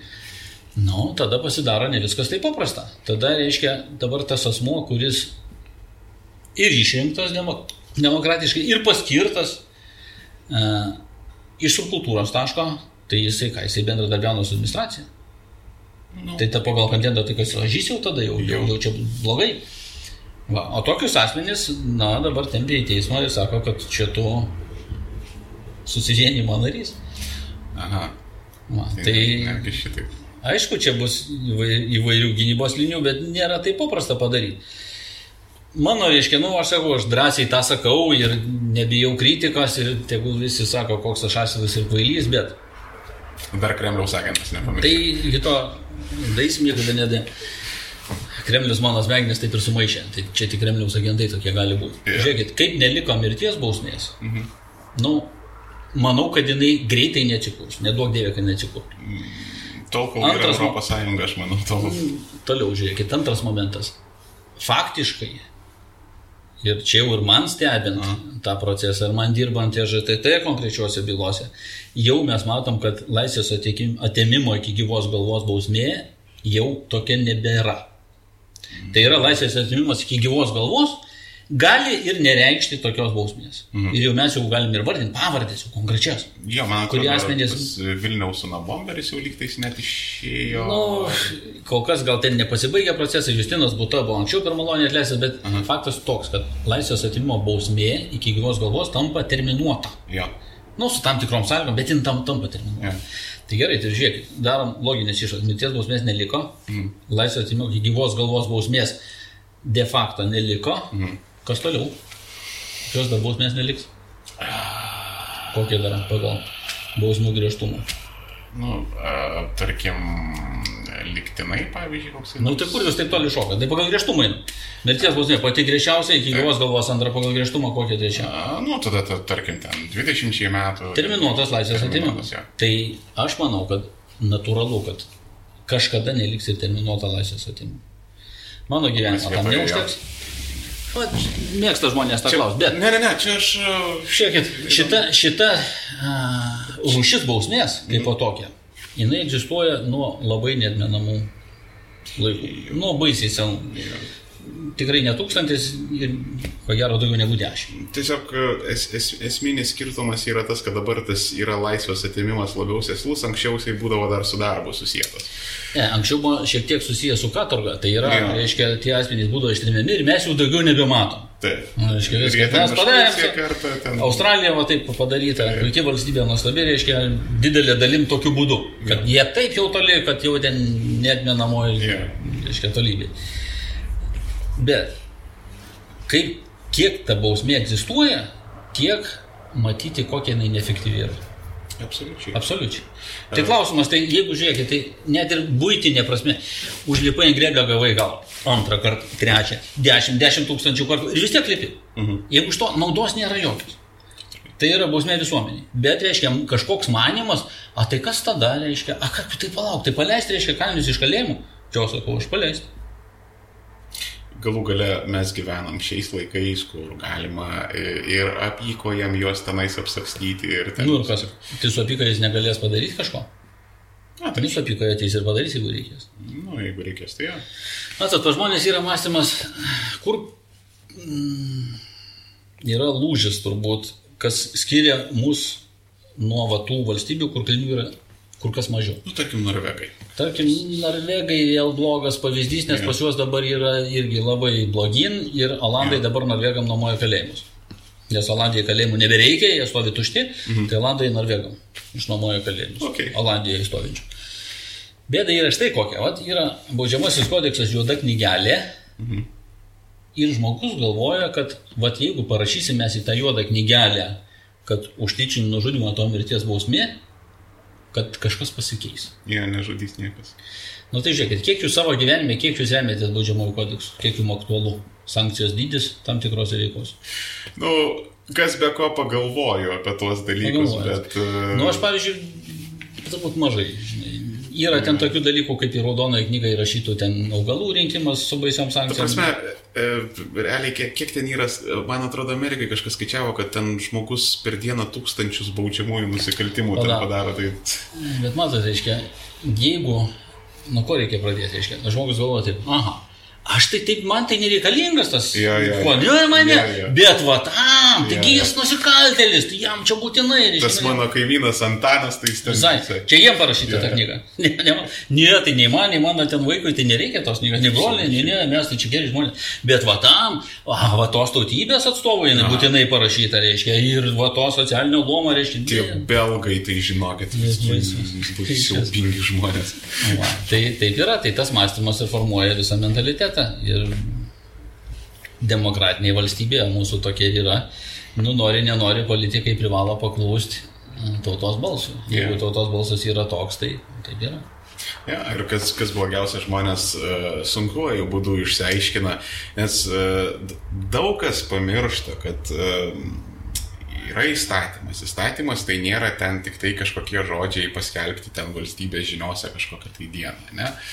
Uh, įstatymas už savęs turi valstybės smurto Represinį aparatą. Taip. Tai čia yra policininkai ir kareiviai su labai konkrečiais ginklais, kurie gali padaryti labai konkrečios žalos. Ir antstoliai, ir kitos įstaigos. Taip. Visas represinis aparatas yra tam, kad tas įstatymas būtų vykdomas kažkokiu būdu vienaip ar kitaip. Taip. Geriau, blogiau. Tai vat, čia šito dalyko nereikia pamiršti, kad ten yra tų instrumentų ir metodų ten visa visuma. Ir kitas į kitų, ar ten uh, nuskynęs tą augalą iš raudonosios knygos, ar ten komentarė kažką tenais netaip leptelėjęs, ar ten, na, nu, sugalvojęs pakvailioti ir ten trūktelėti kokią nors uh, neteisingos cigaretės, sakysim, ten. Dar baisiau perduoti neteisingos. Taip. Truktelti dar kaip truktelti, bet jeigu perdai Taip. Neteisingą cigaretę, tada atsitinka neteisingų dalykų su ilgais metais. Taip, ir jau čia privalomai metai, man atrodo, jau yra ne, nelabai tenais liktinių galima. Mm, Jo, šitas dalykas yra labai žiaurus, bet taip yra, pas mus bausmės šitoj srity, šitoj kategorijoje, jeigu yra, nu, juodas. Ir dar turint omenyje, va, žiūrėkit, va, konkretus pavyzdys, va, visi detraktoriai, kurie sako, nu, čia reikia grįžtų bausmių ir taip toliau. Va, sėdi žmogus iš baudžiamosios teisės, sakot, griežtas bausmės, nepagristai, ne? Mhm. Praeini penktadienio vakarą Vilniaus Kauno senamestyje. Kieno jūs kvapai ten jaučia? Nu, atitinkamų medžiagų, Tai, už kurių disponavimą paprastai tą knygelę kažkas įrašyta yra. bet tai tos medžiagos yra perdavinėjamas, jos kažkaip tenais atsiduria. Ir, nu tai va, yra toje knygelėje parašyta, bet vis dėlto visas Kaunas ir Vilnius yra prasmirdęs. Literaliai. Nu, matot, bet ko gero taip gal ir gerai, nes tai yra galimybė kontroliuoti. Tai yra galimybė kažką sučiupti už rankos, o kažką nesučiupti. Jo, čia kaip e, sovietmečių, kai buvo, Taip. kai tu, kai tu buvai nusikaltelis nuo gimimo. Va, Ir tiesiog klausimas prisiūt buvo kažką. vat, yra tema, kad yra mažai rutiliuota, gal ir dabar jau ir nebeįdomu ir, ir galima būtų pamiršti, o čia Kaunė, vat, su Kauno žinau. Mm. Yra atitinkami ištisi kvartalai pastatyti ir žinoma, iš ko jie pastatyti. Tai yra sovietmečio terminais kalbant iš socialistinio turto grobsto. Mm, Ai, čia tu, turi omenyje ten Petrašiūnai visokie ten. Nu, na, Žinoma, tai bednesnis, ten- bet, bet reiškia, aš, kalbu apie tai, kad sovietinė baudžiavimo kodekse buvo dvi vagystės. Iš žmogaus pavogti, kas skaitėsi ne taip dar blogai, ir pavogti, reiškia, iš socialistinės visuomenės pavogti. A, Viskasgi valstybė tai priklauso sociumui, proletaram. Taip. Va, ir, bet nepaisant to, reiškia, bent jau lietuviškoji dalyje vyravo manimas, kad vokti mėsos gabalą iš mėsos kombinato yra gerai. Mhm. Nes tu kaip ir disidentas šioks toks. Jo, jo. Ta mėsą, tą dešą taigi Maskvą išvežė. Jo. O dabar aš ją pavogiau, pardaviau, pats suvalgiau ir į Maskvą jos neišvežė. Nu ir namelį pasistačiau, viskas šitą. Vieną kitą, reiškia, pagaudavo, Mhm. vieną kitą. Nu jau katras jau ten nesusimokėdavo, ten neatsiskaitydavo su BHS. -u. Bet čia yra iš tikrųjų tragiškas dalykas, tai dėl ko? Dėl to, kad įsivyravo mentalitete mintis tokia. Šiaip vokti tokį turtą nieko čia baisaus. Mhm. Va, ir nežinau, čia reikėtų jaunesnės kartos teirautis, bet šitą aš matau, nes tų žmoniųgi niekas dabar nesako, kad jie blogai darė. Mhm. Stovi tos lyčias ten didžiulės, tokios socialistinio baroko. Ta, tam tikrose sluoksniuose jie net kaip e, rimtai. Kaip verslininkai tokie, ne, kaip disidentai, tiesiog vat, kaip, kaip tie tokie, kur, sakysim, e, kažkada ten, pavyzdžiui, ne, ne, nežinau, pavyzdžiui, e, segregacinės Amerikos laikais į autobusą sėsdavosi, kur vo- vos ir kai kuriuose ten sluoksniuose tai vos ne taip yra ten priimami tie žmonės. Ir e, Yra toks, tai. Jo, ir e, pavyzdžiui, vat čia, čia užkabinot irgi e, baudžiamąją tą sovietinę teisę, kad pavyzdžiui mažai kas žino, kad už valiutinius nusikaltimus. Tai mirties bausmė. Jo, rastrelinė statė. Mirties bausmė, rastrelinė statė, viskas tvarkoja. Ir nelabai ten skirtumo buvo. Čia priklausė, kaip tu užskrisi. Ar pas tave šimtas dolerių Nu, ar šimtas tūkstančių. Pavyzdžiui, aš kada skaičiau Ramanauską Vanago bylą, tai už galvos grėbiausi, kaip ten keista viskas. Įsivaizduokit, valiutinės operacijas yra rastrelinė statė Jo. ir tam žmogui, pas kurį apsistojo Vanagas, apsistojo, jam leidžia ne tik tai, kad reiškia valiutinės operacijas vykdyti, jis net į Lenkiją nuvyksta. Tai- Vanas. Ne, ne, ne. Ai, tas žmogus- tas katras okay. Vanaga, reiškia, išdavė, katras, reiškia. Tai čia iš vis kažkas tai keičiau negu keista, kur na, aš, na, nu, nežinau, vaikystėje, jaunystėje, tai ta Lenkija atrodė čia toks užžiūris, kad čia, nežinau, ne, nerealu papulti.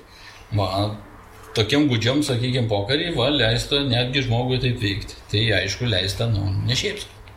Tai kas be ko, įdomus dalykai vykdavo tas, tose vietose. Bet žinot, kokia man dar idėja tokia įdomi toptelė, mes čia va rutuliuojam, rutuliuojam, čia gal toks truputėlį off topikas išeis. Mm -hmm. Bet aš nenorėčiau šitą dalyką paleisti. E, Kalbėjom taip apie žodžio laisvę, visą kitą ir kažkaip aš e, nejučiau mane patraukė link būtinosios ginties. -hmm. Gerai, pakalbėkime. Ir dabar klausimas, ar aš teisingai suprantu reikalus, kad aš, aš nekalbu apie būtinąją ginti, kai, nu, ten grubiai šnekant, tu sėdi namuose, tau ten laužėsi pro duris, e, tai ten truputėlį biški kitokios sąlygos yra. Bet ar aš teisingai suprantu, kad Lietuvoje irgi ne viskas yra gerai su būtinąją gintim, kai ten, pavyzdžiui, tave ten kokie huliganai korosina. Aš nežinau, ar gerai, ar negerai, čia ne man spręsti, bet aš galiu pasakyti taip jau grinai iš profesionalaus taško.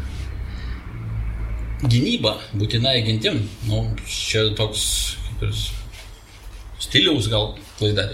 Jeigu esate kaltinamas baudžiamojo byloje ir norite gintis savo poziciją, ginti, sakydamas, kad aš būtinai gyniausi, aš buvau būtinosios ginties sąlygomis ir turėjau, reiškia, gintis, šita gynyba yra labai bloga ir dažniausiai jinai visiškai neperspektyvi. Jo.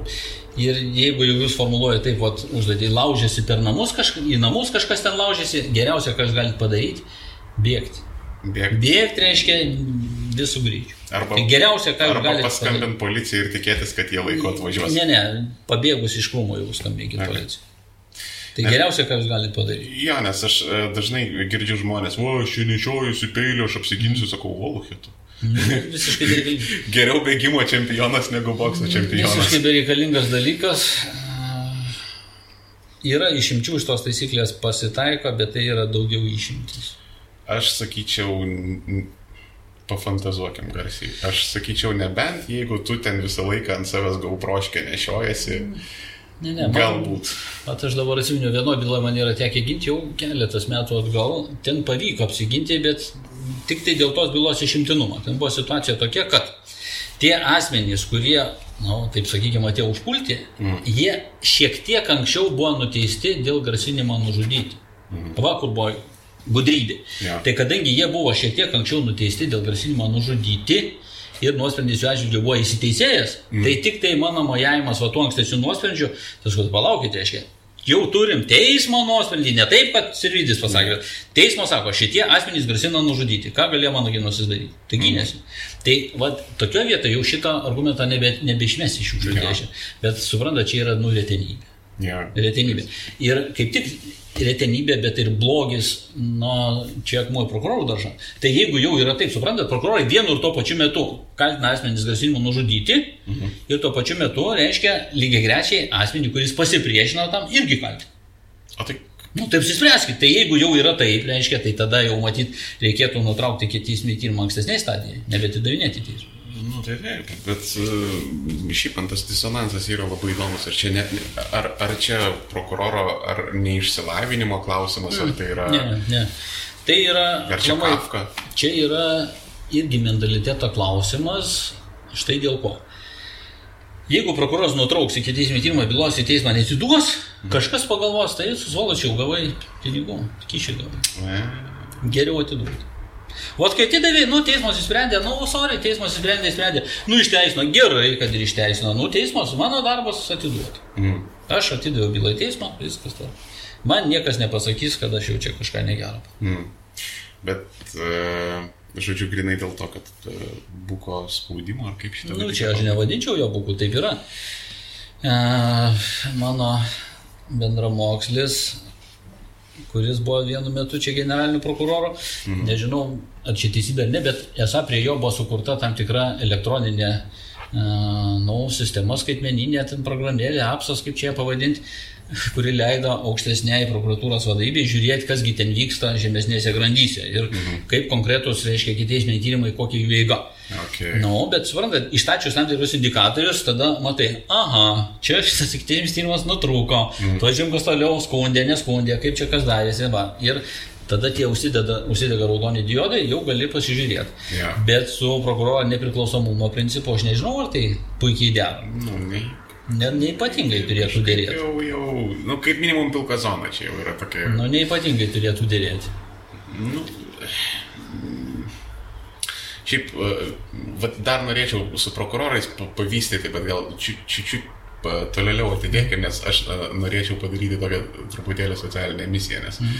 e, yra ten e, pažįstamų ir artimųjų tarpę žmonės su tom vėlgi bū- būtinosios ginties iliuzijomis. Tai aš truputėlį norėjau uždaryti šitą temą, kad e, Nu, vat kaip ir sakėt, principė geriausia bėgti. Bėgti.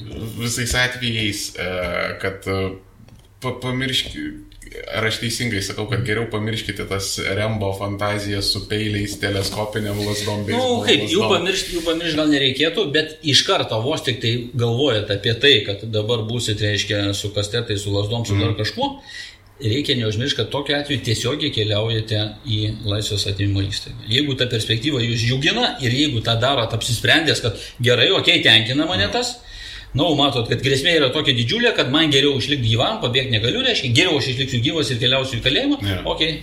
Kaip ten, Tada tvarkoj. kažkas, aš dabar neatsimenu, kažkas internetuose sakė geriau, geriau 6-9 metai kalėjime negu ten keli metrai po žemę. Nu, tai jeigu ta alternatyva yra išanalizuota ir primtina, tada tvarka. O kaip su legaliais, e, legaliai laikomais šaunamaisiais ginklais? Nu, mes kalbėjom jau šiek tiek apie armiją, aš armiją atsišaudžiau tiek, kad aš Ne, matyti jo nenoriu. Aš, aš grinai e, dėl būtinosios ginties, ar ma, mano galva tai nėra ypatingai gerai. Dėja. Aš manau, kad iš viso bloga, nes pirmas dalykas, ginklas išduotas savyginai, mhm. jisai tampa ir objektu, kurį gali užvaldyti nedori asmenys. Jo. Ir tokių atvejų yra buvę. Ir man pačiam yra žinoma net ir čia, nu, čia labai jau senais laikais ir prokurorai mėgdavo tuos tarnybinius ginklus turėti, dabar jeigu kas ir turi, tai net neišima iš seifo. Mhm. Bet tai yra taip, tai yra objektas, kuris patrauklus ir užvaldymo prasme. Jo. Pirmas daiktas. Antras dalykas, nu gerai, tą ginklą savyginai, o vasarą, pažiūrėjau, tai sunku įsivaizduoti, kaip tu čia jį nešiosi. Jo. Tai jeigu tu jį nešiosi automatiškai ir matysis, kad tu jį nešioji, tai tu jau provokuoji. Ir čia, man atrodo, net vie- viešosios tvarkos pažeidimas jau kaip Jo, minimum skaičius. jo, Tai, nu, aš sakau, yra žmonių, kurie, nu, gal vaikystėje neatsižaidė ginklais, ar jiem kažkoks tai, nu, lyguistas potraukis ginklam, aš tokių matau ir žinau ir, ir sutinku. Bet šiaip ginkloj ne vieta visuomenė. Jeigu jau patinka ginklai, tai yra šaudyklas. Pasim, pašaudyk. Reikia ir, na, nu, sakykime, gynybos nuo karinės agresijos prasme nėra blogas dalykas, kad dalis žmonių tuos ginklus turi. Mhm. Bet savigainos prasme, tai, na, nu, žinot, sakau, jeigu eini kažkur, kur manai, kad tau reikės jį panaudoti, neįkti. Jo. Tokias vietas nemaišai. Mhm. Nu.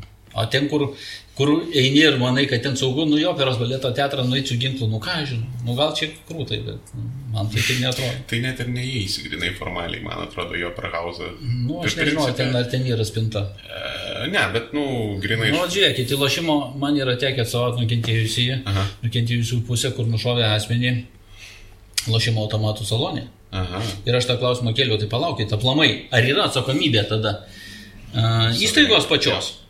Įstaigos pačios, tai žinokit, mane suniekino, sakė, viskas šit tvarkoj. Jo. Niek, nėra būtinybės. Nors aiškiai matosi, nu, monitoriui per monitorių aiškiai buvo ma- matėsi, kad tas ginklas ištrauktas, jis ten ne ten, kur reikia. Bet, nu, taip yra. Šiaip ir e, pakankamai, nu, aš nekalbu ten apie labai mažus pistoletus, bet, nu, sakysim, e, statistinių standartinių dydžio pistoletai yra pakankamai sudėtinga paslėpti, nu, tai nebent po žieminiais drabužiais ar ten kuprinė, ar kažkas ten tokio. Ir e, taip grinai formaliai daugelį vietų jų neįleidžia ir, nu, toks apskritai e, principą gaunasi, kad tu visur tampaisi su savim tokį nepatogų kampuotą, tepalotą, šmotą. pavojaus. Ne, tai sakau, tu nešiojasi padidinto pavojaus šaltinį, kur nu, mm. daug problemų. Nu, aš sakau, aš jo neturiu, man jo nereikia, bet nuėjai, tarkim, Joterhausą Yeah. ir tau sako, klausyk, tai čia negalime mes priimti. Kur tada?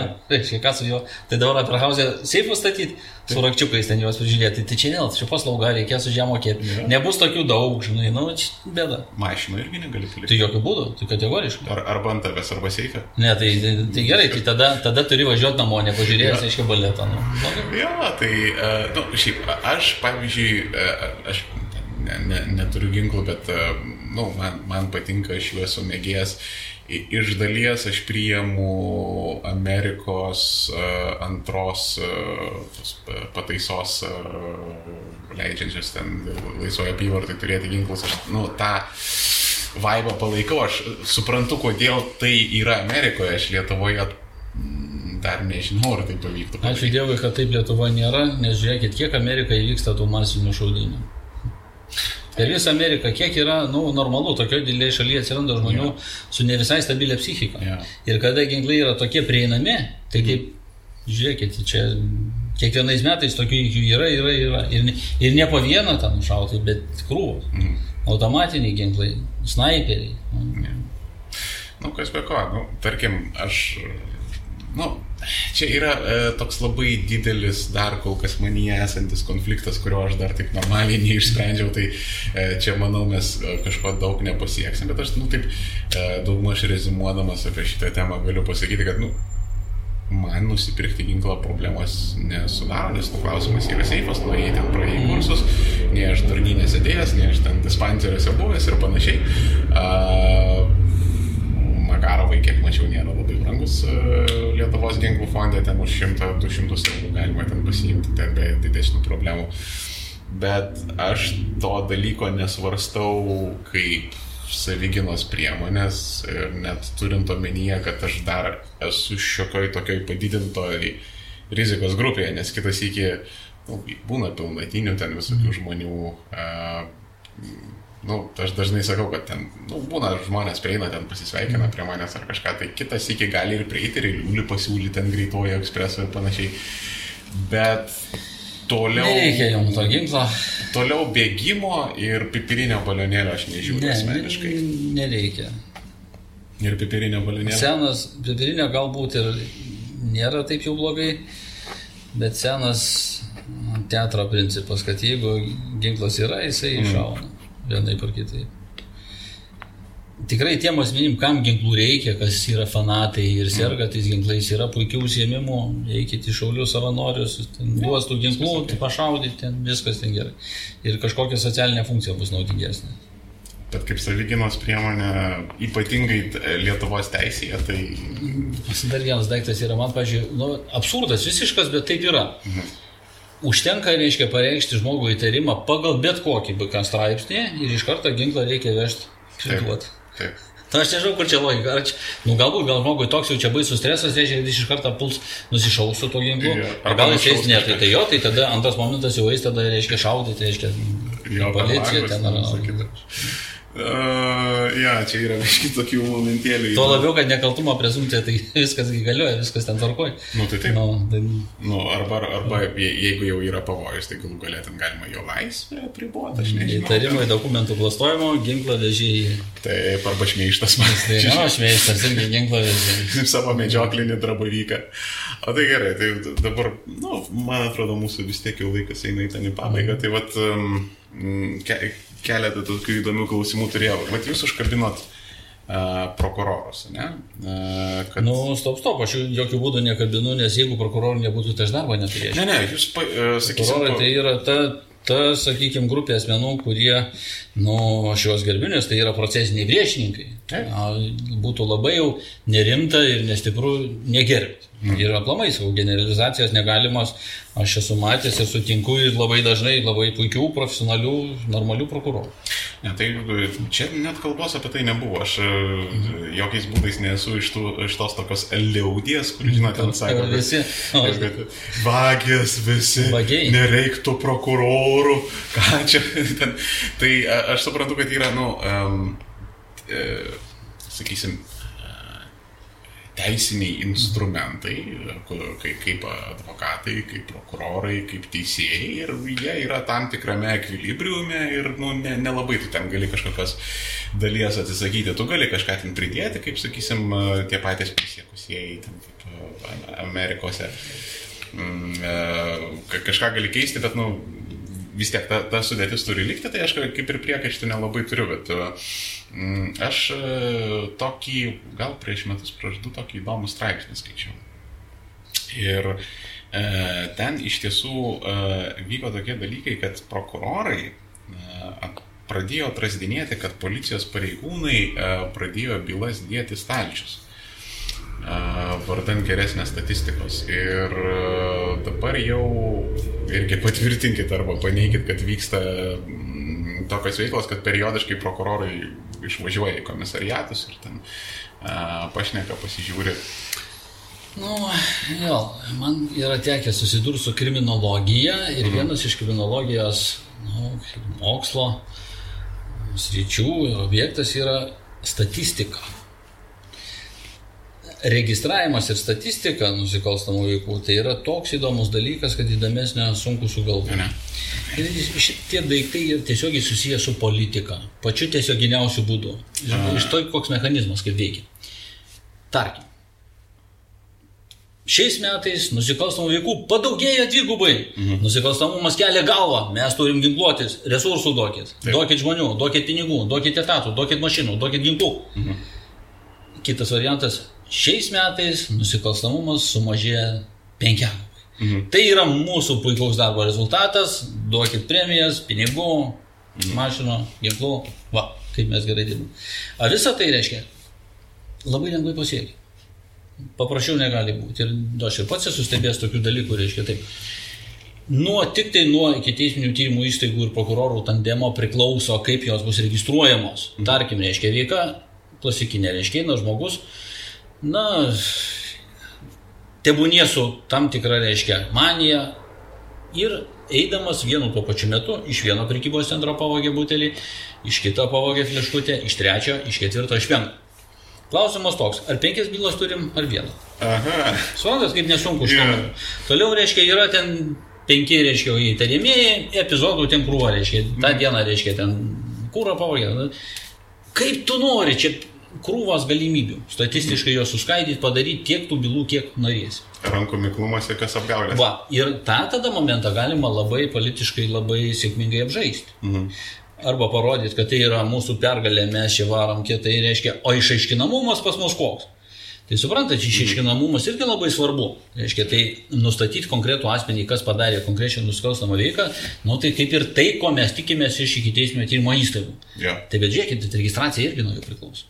Tai jie irgi gali pažiūrėti, žinai, biški čia tokia tamsoka, galim mes jos biški neparegistruoti. Nu, tarkim, ten vat, kažkas išdaužė mašiną į langą. Tai šis čia. Velniai žino, ten absoliučiai. Įvykis, jeigu ką draudimenis, tai ne čia ką net aiškintis ko.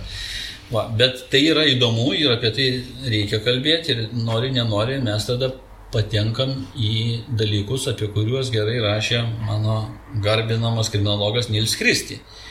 Kada jisai tyrė skirtingas valstybės ir labai jau geras, tokias kaip Norvegija, kad jūs vardinat, ir mhm. kitas Skandinavijos valstybės, įvairių ten buvo pritirta.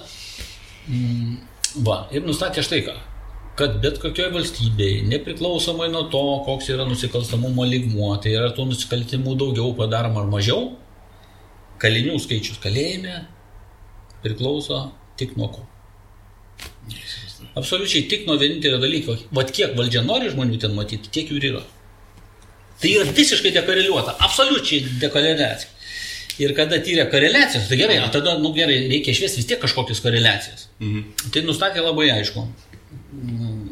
Koreliacija labai aiškiai tarp, nu, tarkim, policijų, policininkų skaičius ir kalinių skaičius kalėjime. Absoliuti koreliacija. Visiškai. Policininkų padaugėjo, kalinių padaugėjo, policijų sumažėjo, kalinių sumažėjo. Klausimas, kaip kalinių skaičių padaryti nuliu? Nebereikia policininkų. Nu, faktas. Tai, bet tai yra, tai, va, tai yra, matyti, ir darbo objektas, su kuriuo jūs dirbat, mm. jeigu analizė užsimat, tai apie tą irgi reikia kalbėti.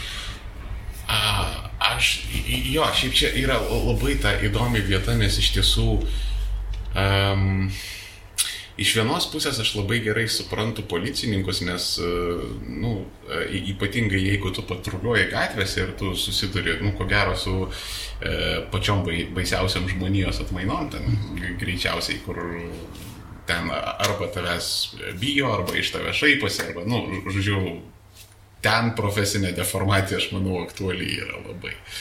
Uh, o, nesakyčiau taip, didžioji dalis policininkų tų patruos aš dabar matau jaunesnės kartos, mm. tai jie taip jau tos deformacijos daug kas išvengia. Ja. Problemos, aišku, turbūt pas vieną kitą papuola psichologinės, tai yra žmogus, kuris neturi patirties šiaip gyvenimiškos dar ir jam mm. duoda vis dėlto priemonės, tam tikras ir priemonės ir legalų leidimą na, naudoti, reiškia, prievartos priemonės, nu, sunku atsispirti. Nu, aš manau, ir ypatingai, pavyzdžiui, e sunki darbo diena ir, pavyzdžiui, tau prieš. Nu, bet vis tiek, nu, 99 procentai ir dar su kapėjom sugeba tą padaryti. Čia jau vienetai, kurie nu, padaro negerai, bet žiūrėkit, mm. karalienė už mus tikrai nekvailesnė. Vis dėlto United Kingdom. Jo, ten policininkai. Policininkai. Neturi, neturi šaunamųjų ginklų, ten yra. Tai matyt, logikos yra taip taip padaryti. Tikras yra jo. Pas, jie, man atrodo, nu, liaudiškai šnekant su bananais vaikšto ir tazeriais. Ta mhm. maksimum. Pipiriniai balionėliai galbūt. Jo, yra toksai dalykas. Ir, ir kalbant apie pavyzdžius, Junktinės Amerikos valstijos, ten policija yra kraupiai militarizuota. Ta prasme, ten, ten jau ne tai, kad poli, policinė, bet jau jinai militarizuota yra. Žiauriai. Jo, nu, tam tikrų pavyzdžių pateikia mums ne pačių geriausių ir nesektinų. Nu. nu, ten yra, e, tarkim, viena tokia buvo garsi byla, kur e, kažkoks, nu, e, valkata vaikščiojo po parką, nu, jau greičiausiai jau psichiškai nebesveikas žmogus buvo. Ir vaikštinėjo per parką, žmonės išsigando, paskambino policijai, atvažiavo ten ar keturi ar penki ekipažai. Ir, nu, jis ten vaikščiojo, skiričiojasi ir jį, nu, banaliai nušovė. Tu prasme, ir ne tai, kad iš guminės kulkos ar iš tazerio. Iš tikrųjų. Ja, iš, iš normalios. Ir man atrodo, net panaudoja M4 karabiną e, šitam reikalui padaryti. Tai skritai, jau policija su karabinais jau yra kažkas tokio.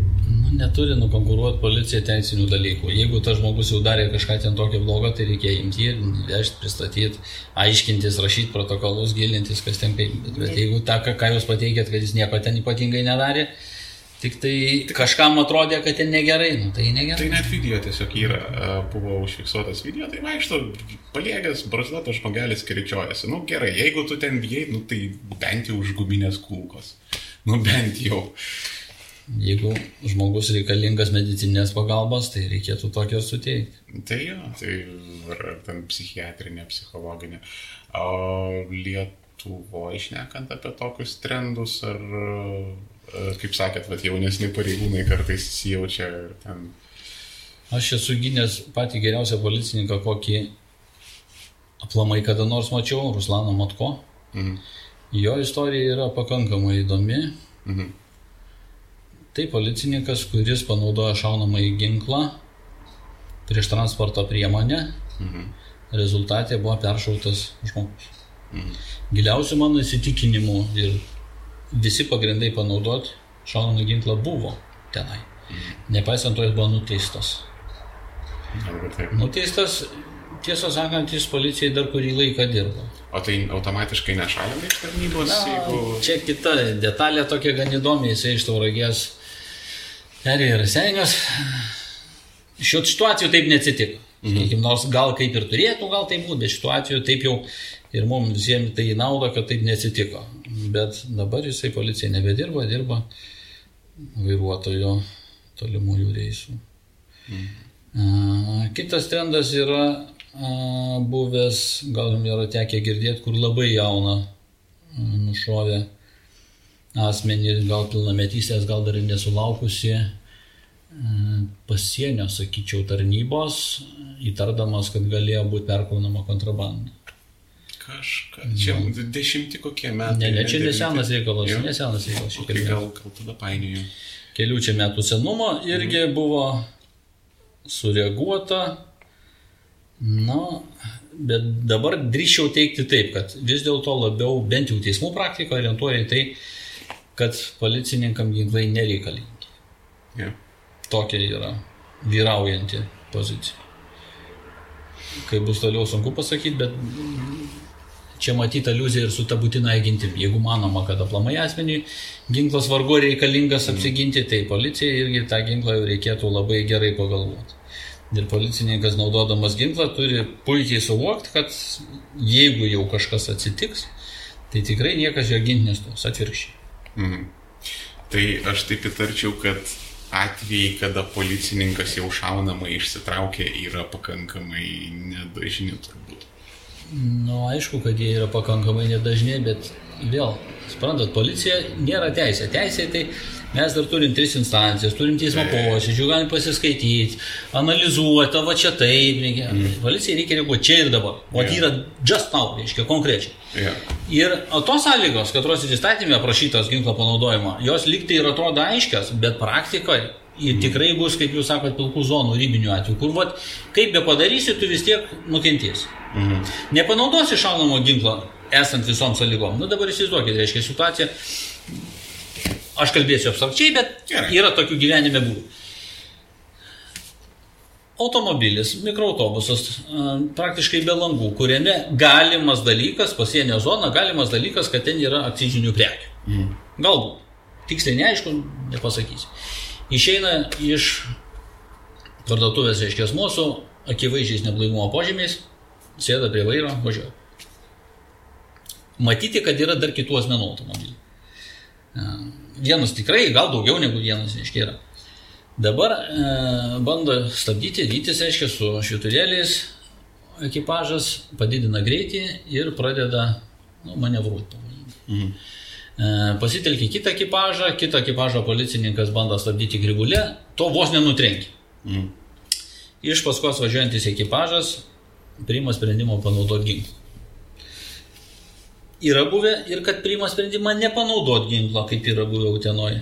Ir nepanaudoja ginklo, tas sprunkantis automobilis važiuoja per raudonas kelias šviesas, rezultatė keliantoj sankryžoje taranuoja taksi automobilį keletą lavonų. Mhm.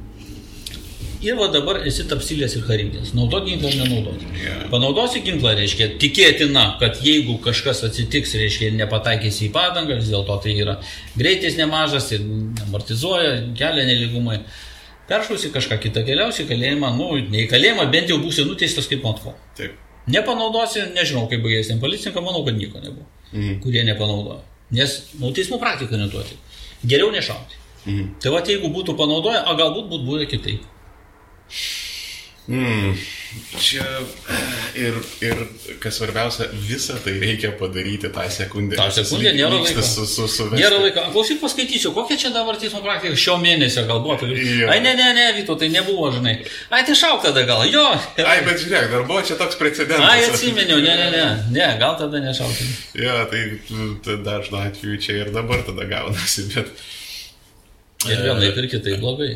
Aš, aš taip įtarčiau, kad, e, nu, sakysim, tais e, senais laikais, iki kokių 2000 nu, galbūt penktų, nu, aš šitaip grubiai, sakysim, primityviai. Jeigu 2005 metų turbūt iš policijos pusės uh, smurto buvo daug įvairaus ir, nu, kad, kad ir sulaikant, o po to jisai turėjo kristi pagal idėją, ne? Nu, tų specialių tyrimų gal nedariau, bet nebuvo ir tada jau taip jau tragiškai blogai. Ja. Iš tikrųjų, po 90-ųjų iš karto buvo problema, nes, nu, vėl, aš gerai atsimenu, kad vienu metu policijai dirbo buvo visiškai neprestižas, paskui, kada ekonominė situacija pablogėjo, policija vis dėlto mokėjo stabilią algą ir gan neblogą. Mhm. Tuo metu pavyko į policiją pririnkti netokių prastų asmenų su įsilavinimu,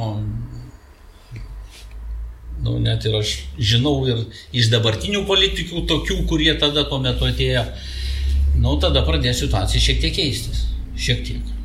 Tai kada jau čia labai radikaliai pradėjo tos smurto atveju mažėti, aš nepasakysiu, bet, nu, to lygio vis tiek per kokią turbūt apie 10 metų situacija pasitvarkė.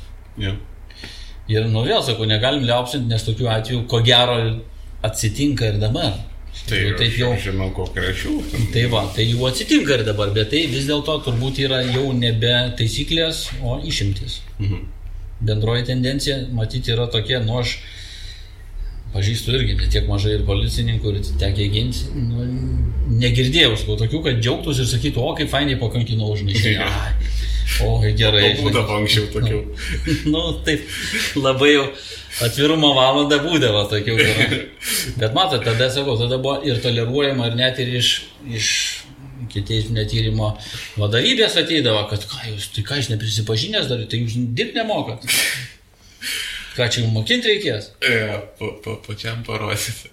Nu, e, šiaip, iš tiesų šitoje vietoje, nu, tikrai reikėtų pripažinti, aš, e, nu, vėlgi, pas mane tas kontaktas su policija yra labai nedidelis. Uh, tiek, kiek mane yra ten sustabdę kelių policininkai ir nu, ką jau čia slėpti, ten savo laiku ten gal vienas kitas kyšis, galbūt tikriausiai menamai turbūt uh, paralelinis. Gal jūs klystat, negalėjo tai būti? Ne, absoliučiai. E, greičiausiai... Net jeigu taip ir būtų, vis tiek jūs būtumėte užkirtęs tam kelią, pasakęs, kad ne, taip. ne, prašyčiau neprovokuoti manęs, man tai nepriimtina.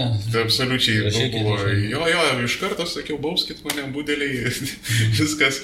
Uh, tai uh, grinai, nu, iš to tokio nedidelio kontakto ir dar pas mane taip, nu, taip gavosi, kad buvau pažįstamas žmonėm iš e, kriminalinio pasaulio, sakysim, ten turto ekspropriacijos ten sferų, tokių, sakysim. Uh, Gal išieškojimo? Ne, ten toks labiau užkraustimas naktinis, toks specifinis, labai greitas. Ten. Mhm. Tai uh, Nu, kaip ir galima konstatuoti, mes čia su tokio Augusto Didžgaliu No, tai- buvom padarę įrašą ir mes taip pa- padėjom tą koskirą tokią tarp policininkų ir tarp mentų. Kas, kas yra vienas, kas yra kitas. Bet kažkaip man jau rodosi, kad tų tokių mentų, tų tokių, kur va, ten stovėdavo, ten vaistinėlių ieškodavo, turi tenais, neturi ten mm, tų tokių, kur, a, kai gerai mes jį ten pakankinam, klausyk, kad jau tai yra dinozaurai, yra- vos netokie, kad... Mm, Suprantat, pasidarė taip, kad sistema, vis dėlto manyčiau, kad sistema pasidarė labiau ekologiška. Tai yra, jeigu bus toks asmuo ir atsiras, mm, tai pati sistema nelabai toleruos. ne. Nebus taip, jis tikrai nesulauks tokio, tokio palaikymo ir maždaug, o, kul, gerai, čia ats, mums pasisekė kolektyvė, turim gerą kankintoją. Nu, nebus tokio palaikymo. Čia gerai tas nuskambėjo. Gal kažkada ir džiaugdavosi, aš manau, okupantų ypatingai milicininkai. Tai, okay, žiūrėkit, davai gal pabaigai uh, dramblį uh, iš, iš kambario. Genytė. Nu, Čia, manau, komentaruose, kaip apie Aurelijų Katkevičių atsirastinais klausimų, kaip jumis žemelė nešioja tokį galvažudį ginti, čia Jėzus Marija, čia... nu, žinot, pirmas dalykas etiketės kliuoti paprasta ir aišku, bet čia aš turiu standartinį atsakymą paruošęs, taip kad manęs čia nelabai paveiks. Advokatas vėl atsiribojant nuo konkrečių bylų, konkrečių, konkrečių klientų gina ne nusikaltimą, o žmogų. O žmogus, bent jau mano pasaulyje žiūro, yra Dievo kūrinys. Gynybai bloga būtų ta gynyba, jeigu sakytum, labai gerai yra žudyti, o kaip fainai, Jo. labai gerai yra mušti, prievartauti, dar kankinti, dar kažką daryti. Bloga tas, ta gynyba būtų. O kada gyni žmogų, tai viskas yra paprasčiau ir gerokai. Mm, Henrikas daktaras, na, tikrai iš daug kartų tą esu sakęs, mano manimu, jisai yra šitoj byloje, kurioje aš Paskutinį. susiduriu, nuteistas tikrai nepagristai, nuteistas grinai kaip dirbtinai sukonstruota nusikalstamumo ikona. Mhm. Na, aš sakau, aš turiu pripažinti, kad jis tai roliai tiko. Jisai, reiškia, mėgsta būti viešumo ir, ir moka pasisakyti. Ir iš tos, reiškia, na, sakykime, to žmonių grupės buvo paprasčiausiai jį atrinkti. Mhm. Paprasčiausiai jį atrinkti ir jį padaryti tą nusikalstamumo ikoną ir jo, va, reiškia, tą personifikaciją parodyti, kokia ta valstybė yra kieta, kad sugebėjo, reiškia, sutramdyti net ir jį. Mm. Ir kuris tuo metu buvo tikrai absoliučiai nepavojingas ir dabar jau ir tampa aišku, kad gynyba šito vietoje buvo teisė, kad jis išvyko iš Lietuvos ne šiaip savo, o dėl to, kad buvo iš tikrųjų iš granatsvaidžio apšaudytas jo namas. Tai granatsvaidžio. Granatsvaidžio. Ir iki teisminis tyrimas atnaujintas Aha. ir nežinau, galbūt kažkada net ir paaiškės tie, kas tai padarė. Granatsvaidžio. Tai bet suprantat, yra didžiulis skirtumas, ar žmogus pabėga dėl to, kad į teisės saugą persiekia ir tuo čia grieps, Jo. ar dėl to, kad vis dėlto jo namas apšaudotas. Skirtumas didžiulis. Granatsvaidžio. Granatsvaidžio. Aš dar biškai strigau šitoje vietoje. Nu, Čia tai aš nesuklydau. ok. Kiek jūs laiko esate pažįstami? Nu, vėlgi reiškia, jeigu kada aš pirmą kartą išgirdau tą pavardę, tai labai seniai. Ne, tai čia visi girdėjo. Pamačiau, tai ne taip jau labai seniai, turbūt kokia, nu, paskaičiuokim, kokia šešetą, septynetą metų turbūt. Panašiai taip. Na ir manęs tikrai, kaip čia pasakyti, neišgazdina nei konkrečios bylos, nei konkrečios pavardės. Advokatūros įstatymė yra parašyta, kad negali būti advokatai tapatinami su konkrečiom bylom ir konkrečiom pavardėm. Visą laiką tas buvo ar bus. Ir blogas tas advokatas tai sakytų, na jo, tai čia gyniau, bet na čia man... Viskas gerai. Iškia, negalima rušiuoti klientų. Jeigu yra žmogus, kuris prašo gynybos, tai pirmas daiktas tu negali, turėdamas galimybių, turėdamas laiko, turėdamas, nu, manydamas, kad gali kažką padėti, tu negali bėgti nuo bylų. Aš tai sakyčiau taip, kad man atrodo, čia ne apie Henriką daktarą šnekant, kad man atrodo, ko gero patys didžiausi nusikaltėliai e, turėtų turėti patį, pačią Geriausia gynyba. geriausią Taip, gynybą, aišku. nes uh, gynyba, jinai tuo pat metu, nes uh, gynyba yra tol gera, kol yra blogas polimas. Jeigu polimas yra ten padarytas blogai, nekvalifikuotai, nu, čia kad ir prokuratūros galėjo būti darbas, arba ten policijos darbas, ar kažkas. Tai e, gynybos darbas yra e, galbūt ne kiek apginti tą žmogų, bet vat, parodyti tas visas įmanomas skylės, parodyti. Ja, tai per tas skylės ir, ir ginama, ir, ir ja. per tas skylės irgi. Reiškia, mato, tai mes apie tą kalbėjom. Skirtumas tarp nusikaltimo ir jį išaiškinančių asmenų mhm. yra skirtingas štai dėl ko.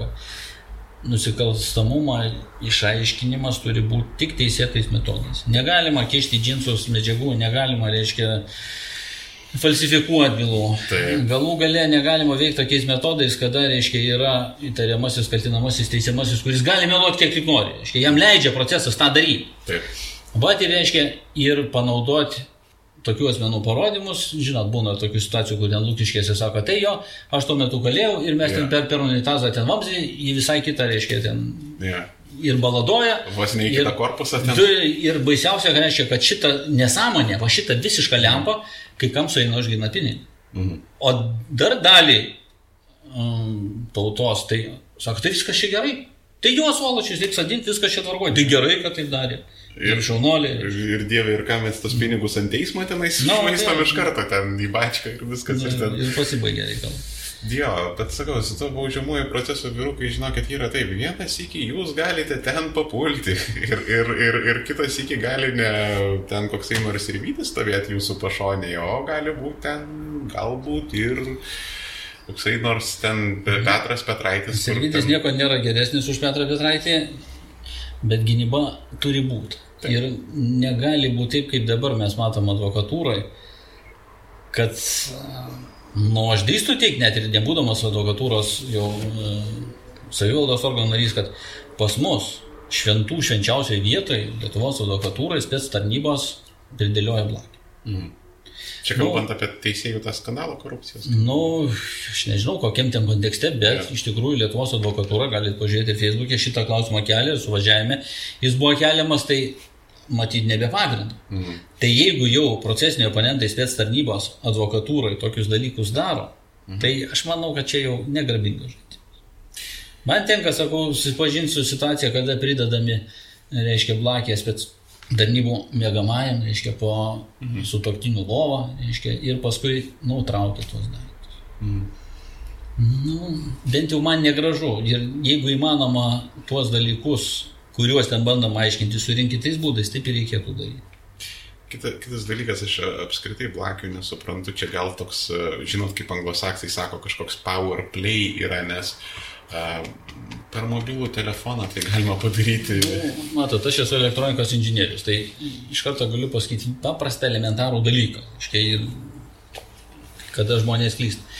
Spets tarnybų resursai yra tikrai žymiai didesni negu jūs. Taip. Kartais dešimtim tūkstančiais Taip. kartų. Tai jeigu tik tai jūs bandot maskuoti kažkokią komunikaciją, mm. jeigu tik bandot kažkokią konspiraciją daryti, arba jeigu bandot daryti taip, kaip uh, buvęs ligonių kasų, viršininkas ir randa ten kažką, tai tuo blogiau jų. Yeah. Tai e, visiems sakau, klientam reiškia, visa stiprybė yra va čia. Mm. Suvokti, žinot, kad taip yra daroma ir kada jau paleis tą įrašą, tai nesigriebti už galvos, pakikenti ir, o gal aš čia šnekėjau, o gal ne aš. Mm. O gal aš knygą rašiau, o gal aš geris buvau žinai. Ne, nebloga yra, aš esu iš daugelio girdėjęs vėlgi iš tų pačių, kaip ten sako, buvauja. Um, viešpatį užkrito 3.8, man atrodo, tas konstitucijos straipsnis yra, kur negalima liūdėti prieš save.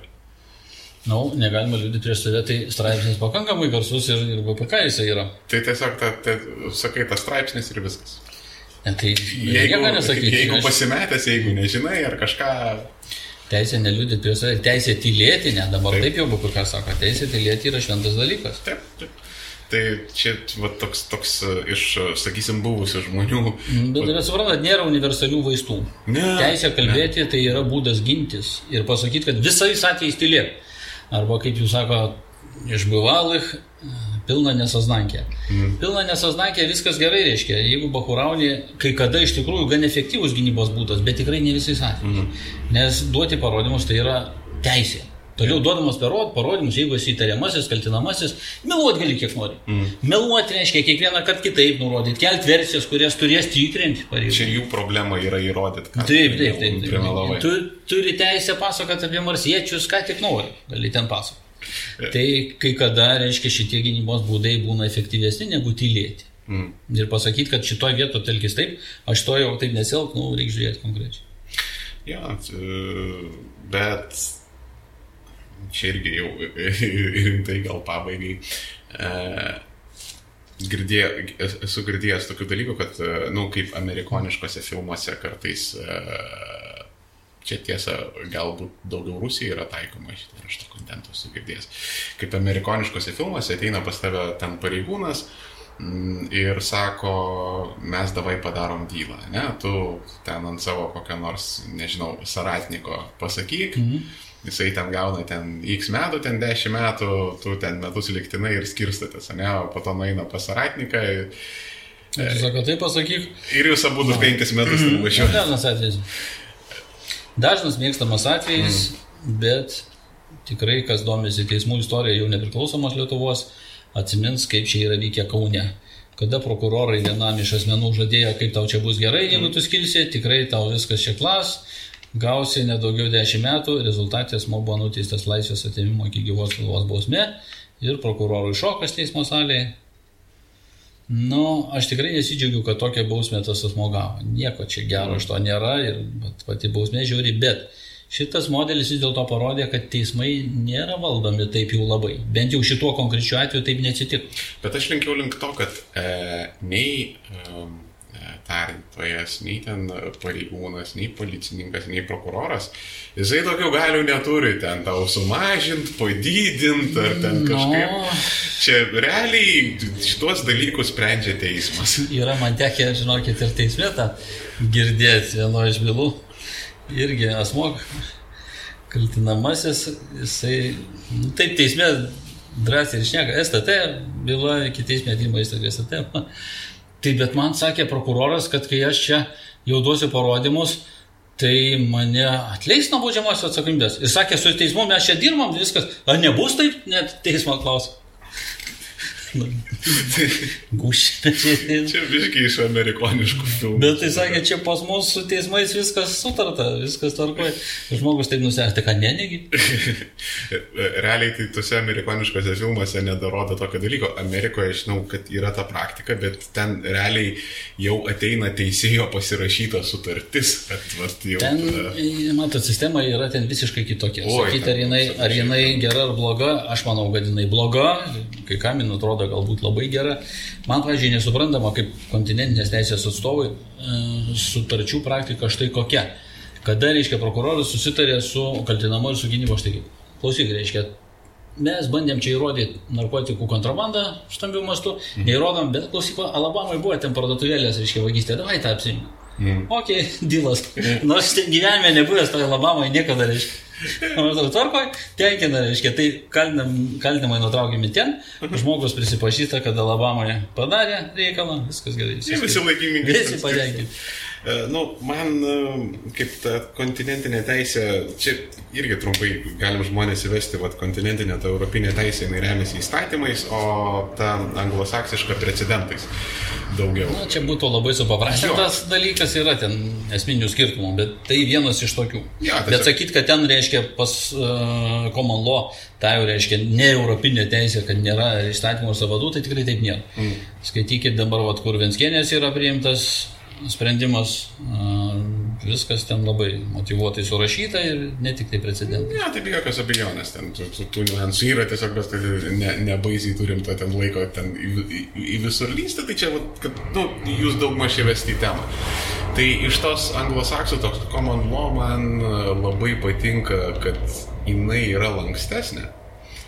Bet tas lankstumas dažnai yra jau ten gerokai per didelis ir ten jau kisėlius daugelį vietų gali gautis ir ten su tais įvairiais precedentais ir ten, tarkim, Amerikos ten aukščiausiai teismų išaiškinimais ir, nu, žodžiu, ten yra... Nu, vis tiek pati idėja, kad aukščiausias teismas ten turi teisę aiškinti konstituciją, man jinai patinka. Nes mūsų bent jau Lietuvoje, ką aš matau, ir konstitucinio teismo pati vieta ir galios, na, aš labai skeptiškai žiūriu į tai. Yra tokių situacijų, konstitu, vėl suprantat, konstitucinis teismas, ar yra teisminės valdžios dalis ar nėra? Aš drįčiau teikti, kad visiškai nėra.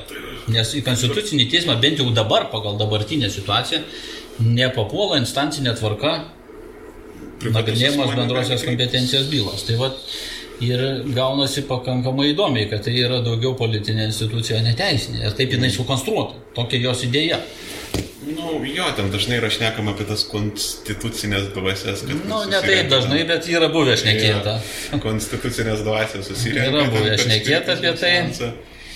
Bet e, jo, labai, labai įdomi ir labai keista iš tiesų mūsų konstitucinio teismo institucija tokia, toks kaip special teismas toks įdomus gaunasi, tarsi kaip ir prie teismų, bet toks. Ne, jisai visai ne prie teismų. Jisai iš esmės yra negatyvus įstatymų leidėjas.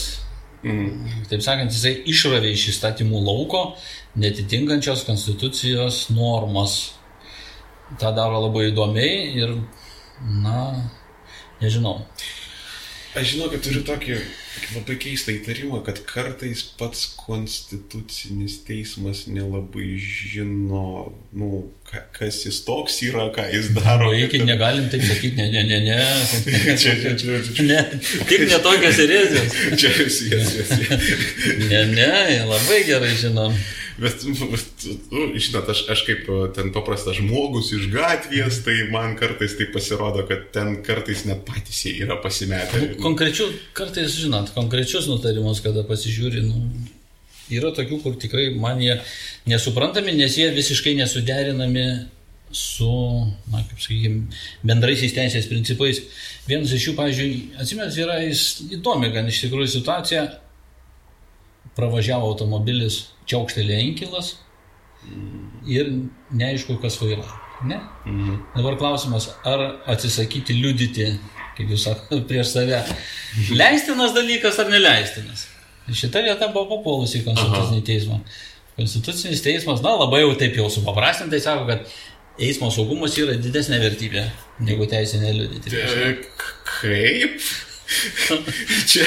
Na, nu, paskaitykite. Čia toks gerulių klausykit. Na, nu, tai va.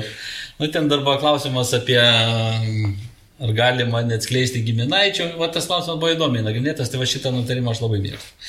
Lygiai kaip vienas iš pačių jau mano mėgstamiausių, aišku, yra dekretas garsusis 2003 gruodžio 30 kuriuo buvo žiauriai smogta Borisovui, kuris, kaip sako Grybauskaitė, ne prie ko, pagal jos leksiką, mhm. buvo tirtas atitikimas konstitucijai vieno iš prezidento Pakso dekretų.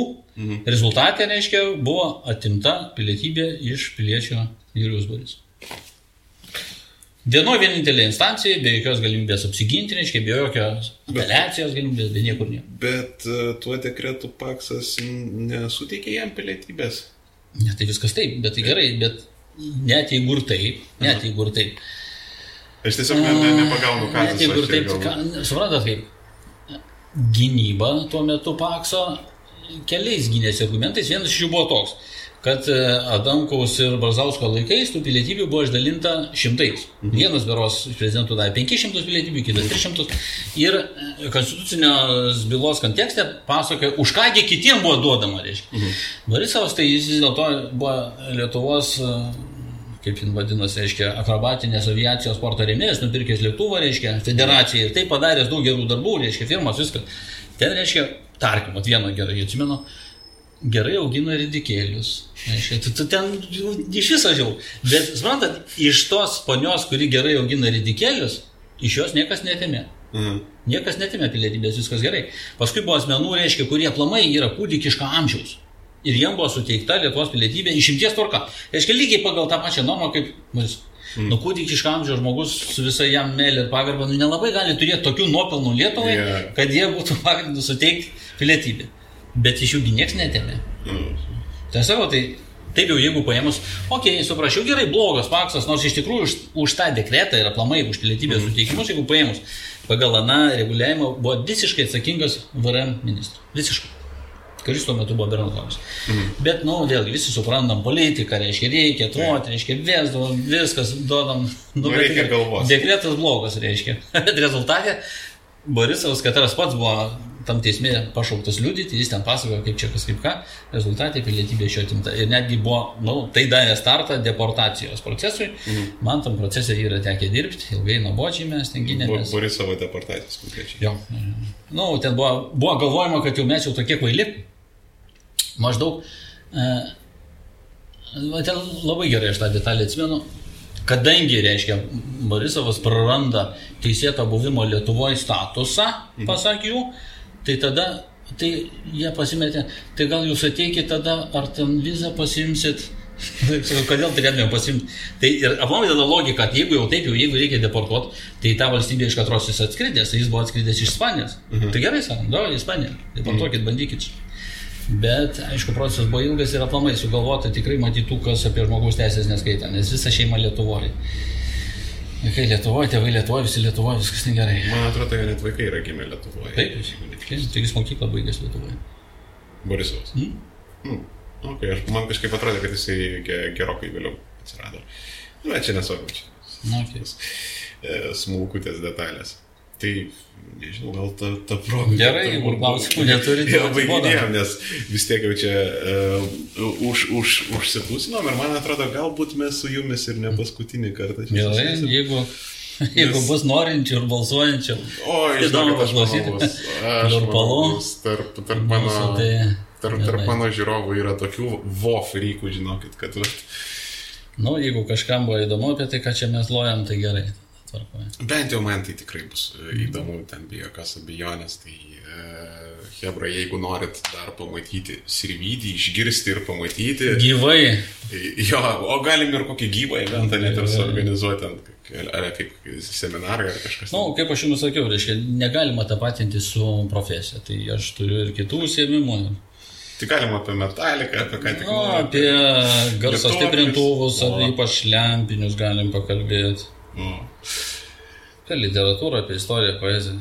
Tai va, aš manyčiau, šitą jūsų profesinį, taip sakant, profesinę pusę mes kaip ir išsunkėm ir galėsim gal į lempinius stiprintuvus, kitas įkė poeziją, ten literatūrą, muziką. Galėsim pademonstruoti, kaip jie veikia, dėl ko lempinis stiprintuvas skamba visiškai kitaip. Ir mano gilių įsitikinimų geriau negu tranzistorinis. Čia kaip vat, man uh, šimtinė, uh, šimtinė silkė, kvatrinė, uh, dudu turbo motoras. Mhm. Už bet kokį MK yra greičiau, nieko nežinau. Bugatti Veironą aplenks. Man, man vis tiek. Senais laikais važinėjau Mazda 929. Kupešna, Kupešna 3.0. Gal dar.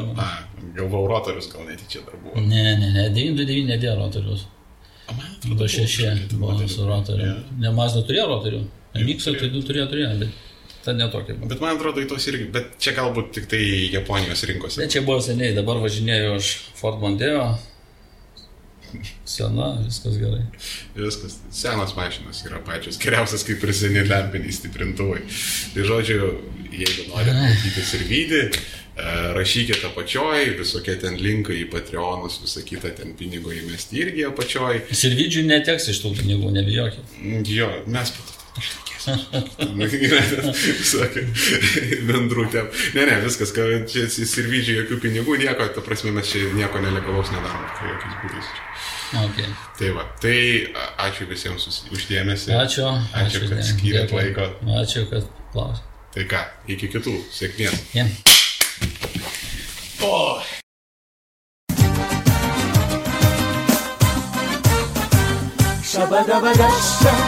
شبا دبا دشته شبا دبا دشته شبا دبا دبا دشته شبا دبا دشته شبا دبا دشته شبا دبا دشته شبا دبا دبا دشته زیراخچیک این چه استالیست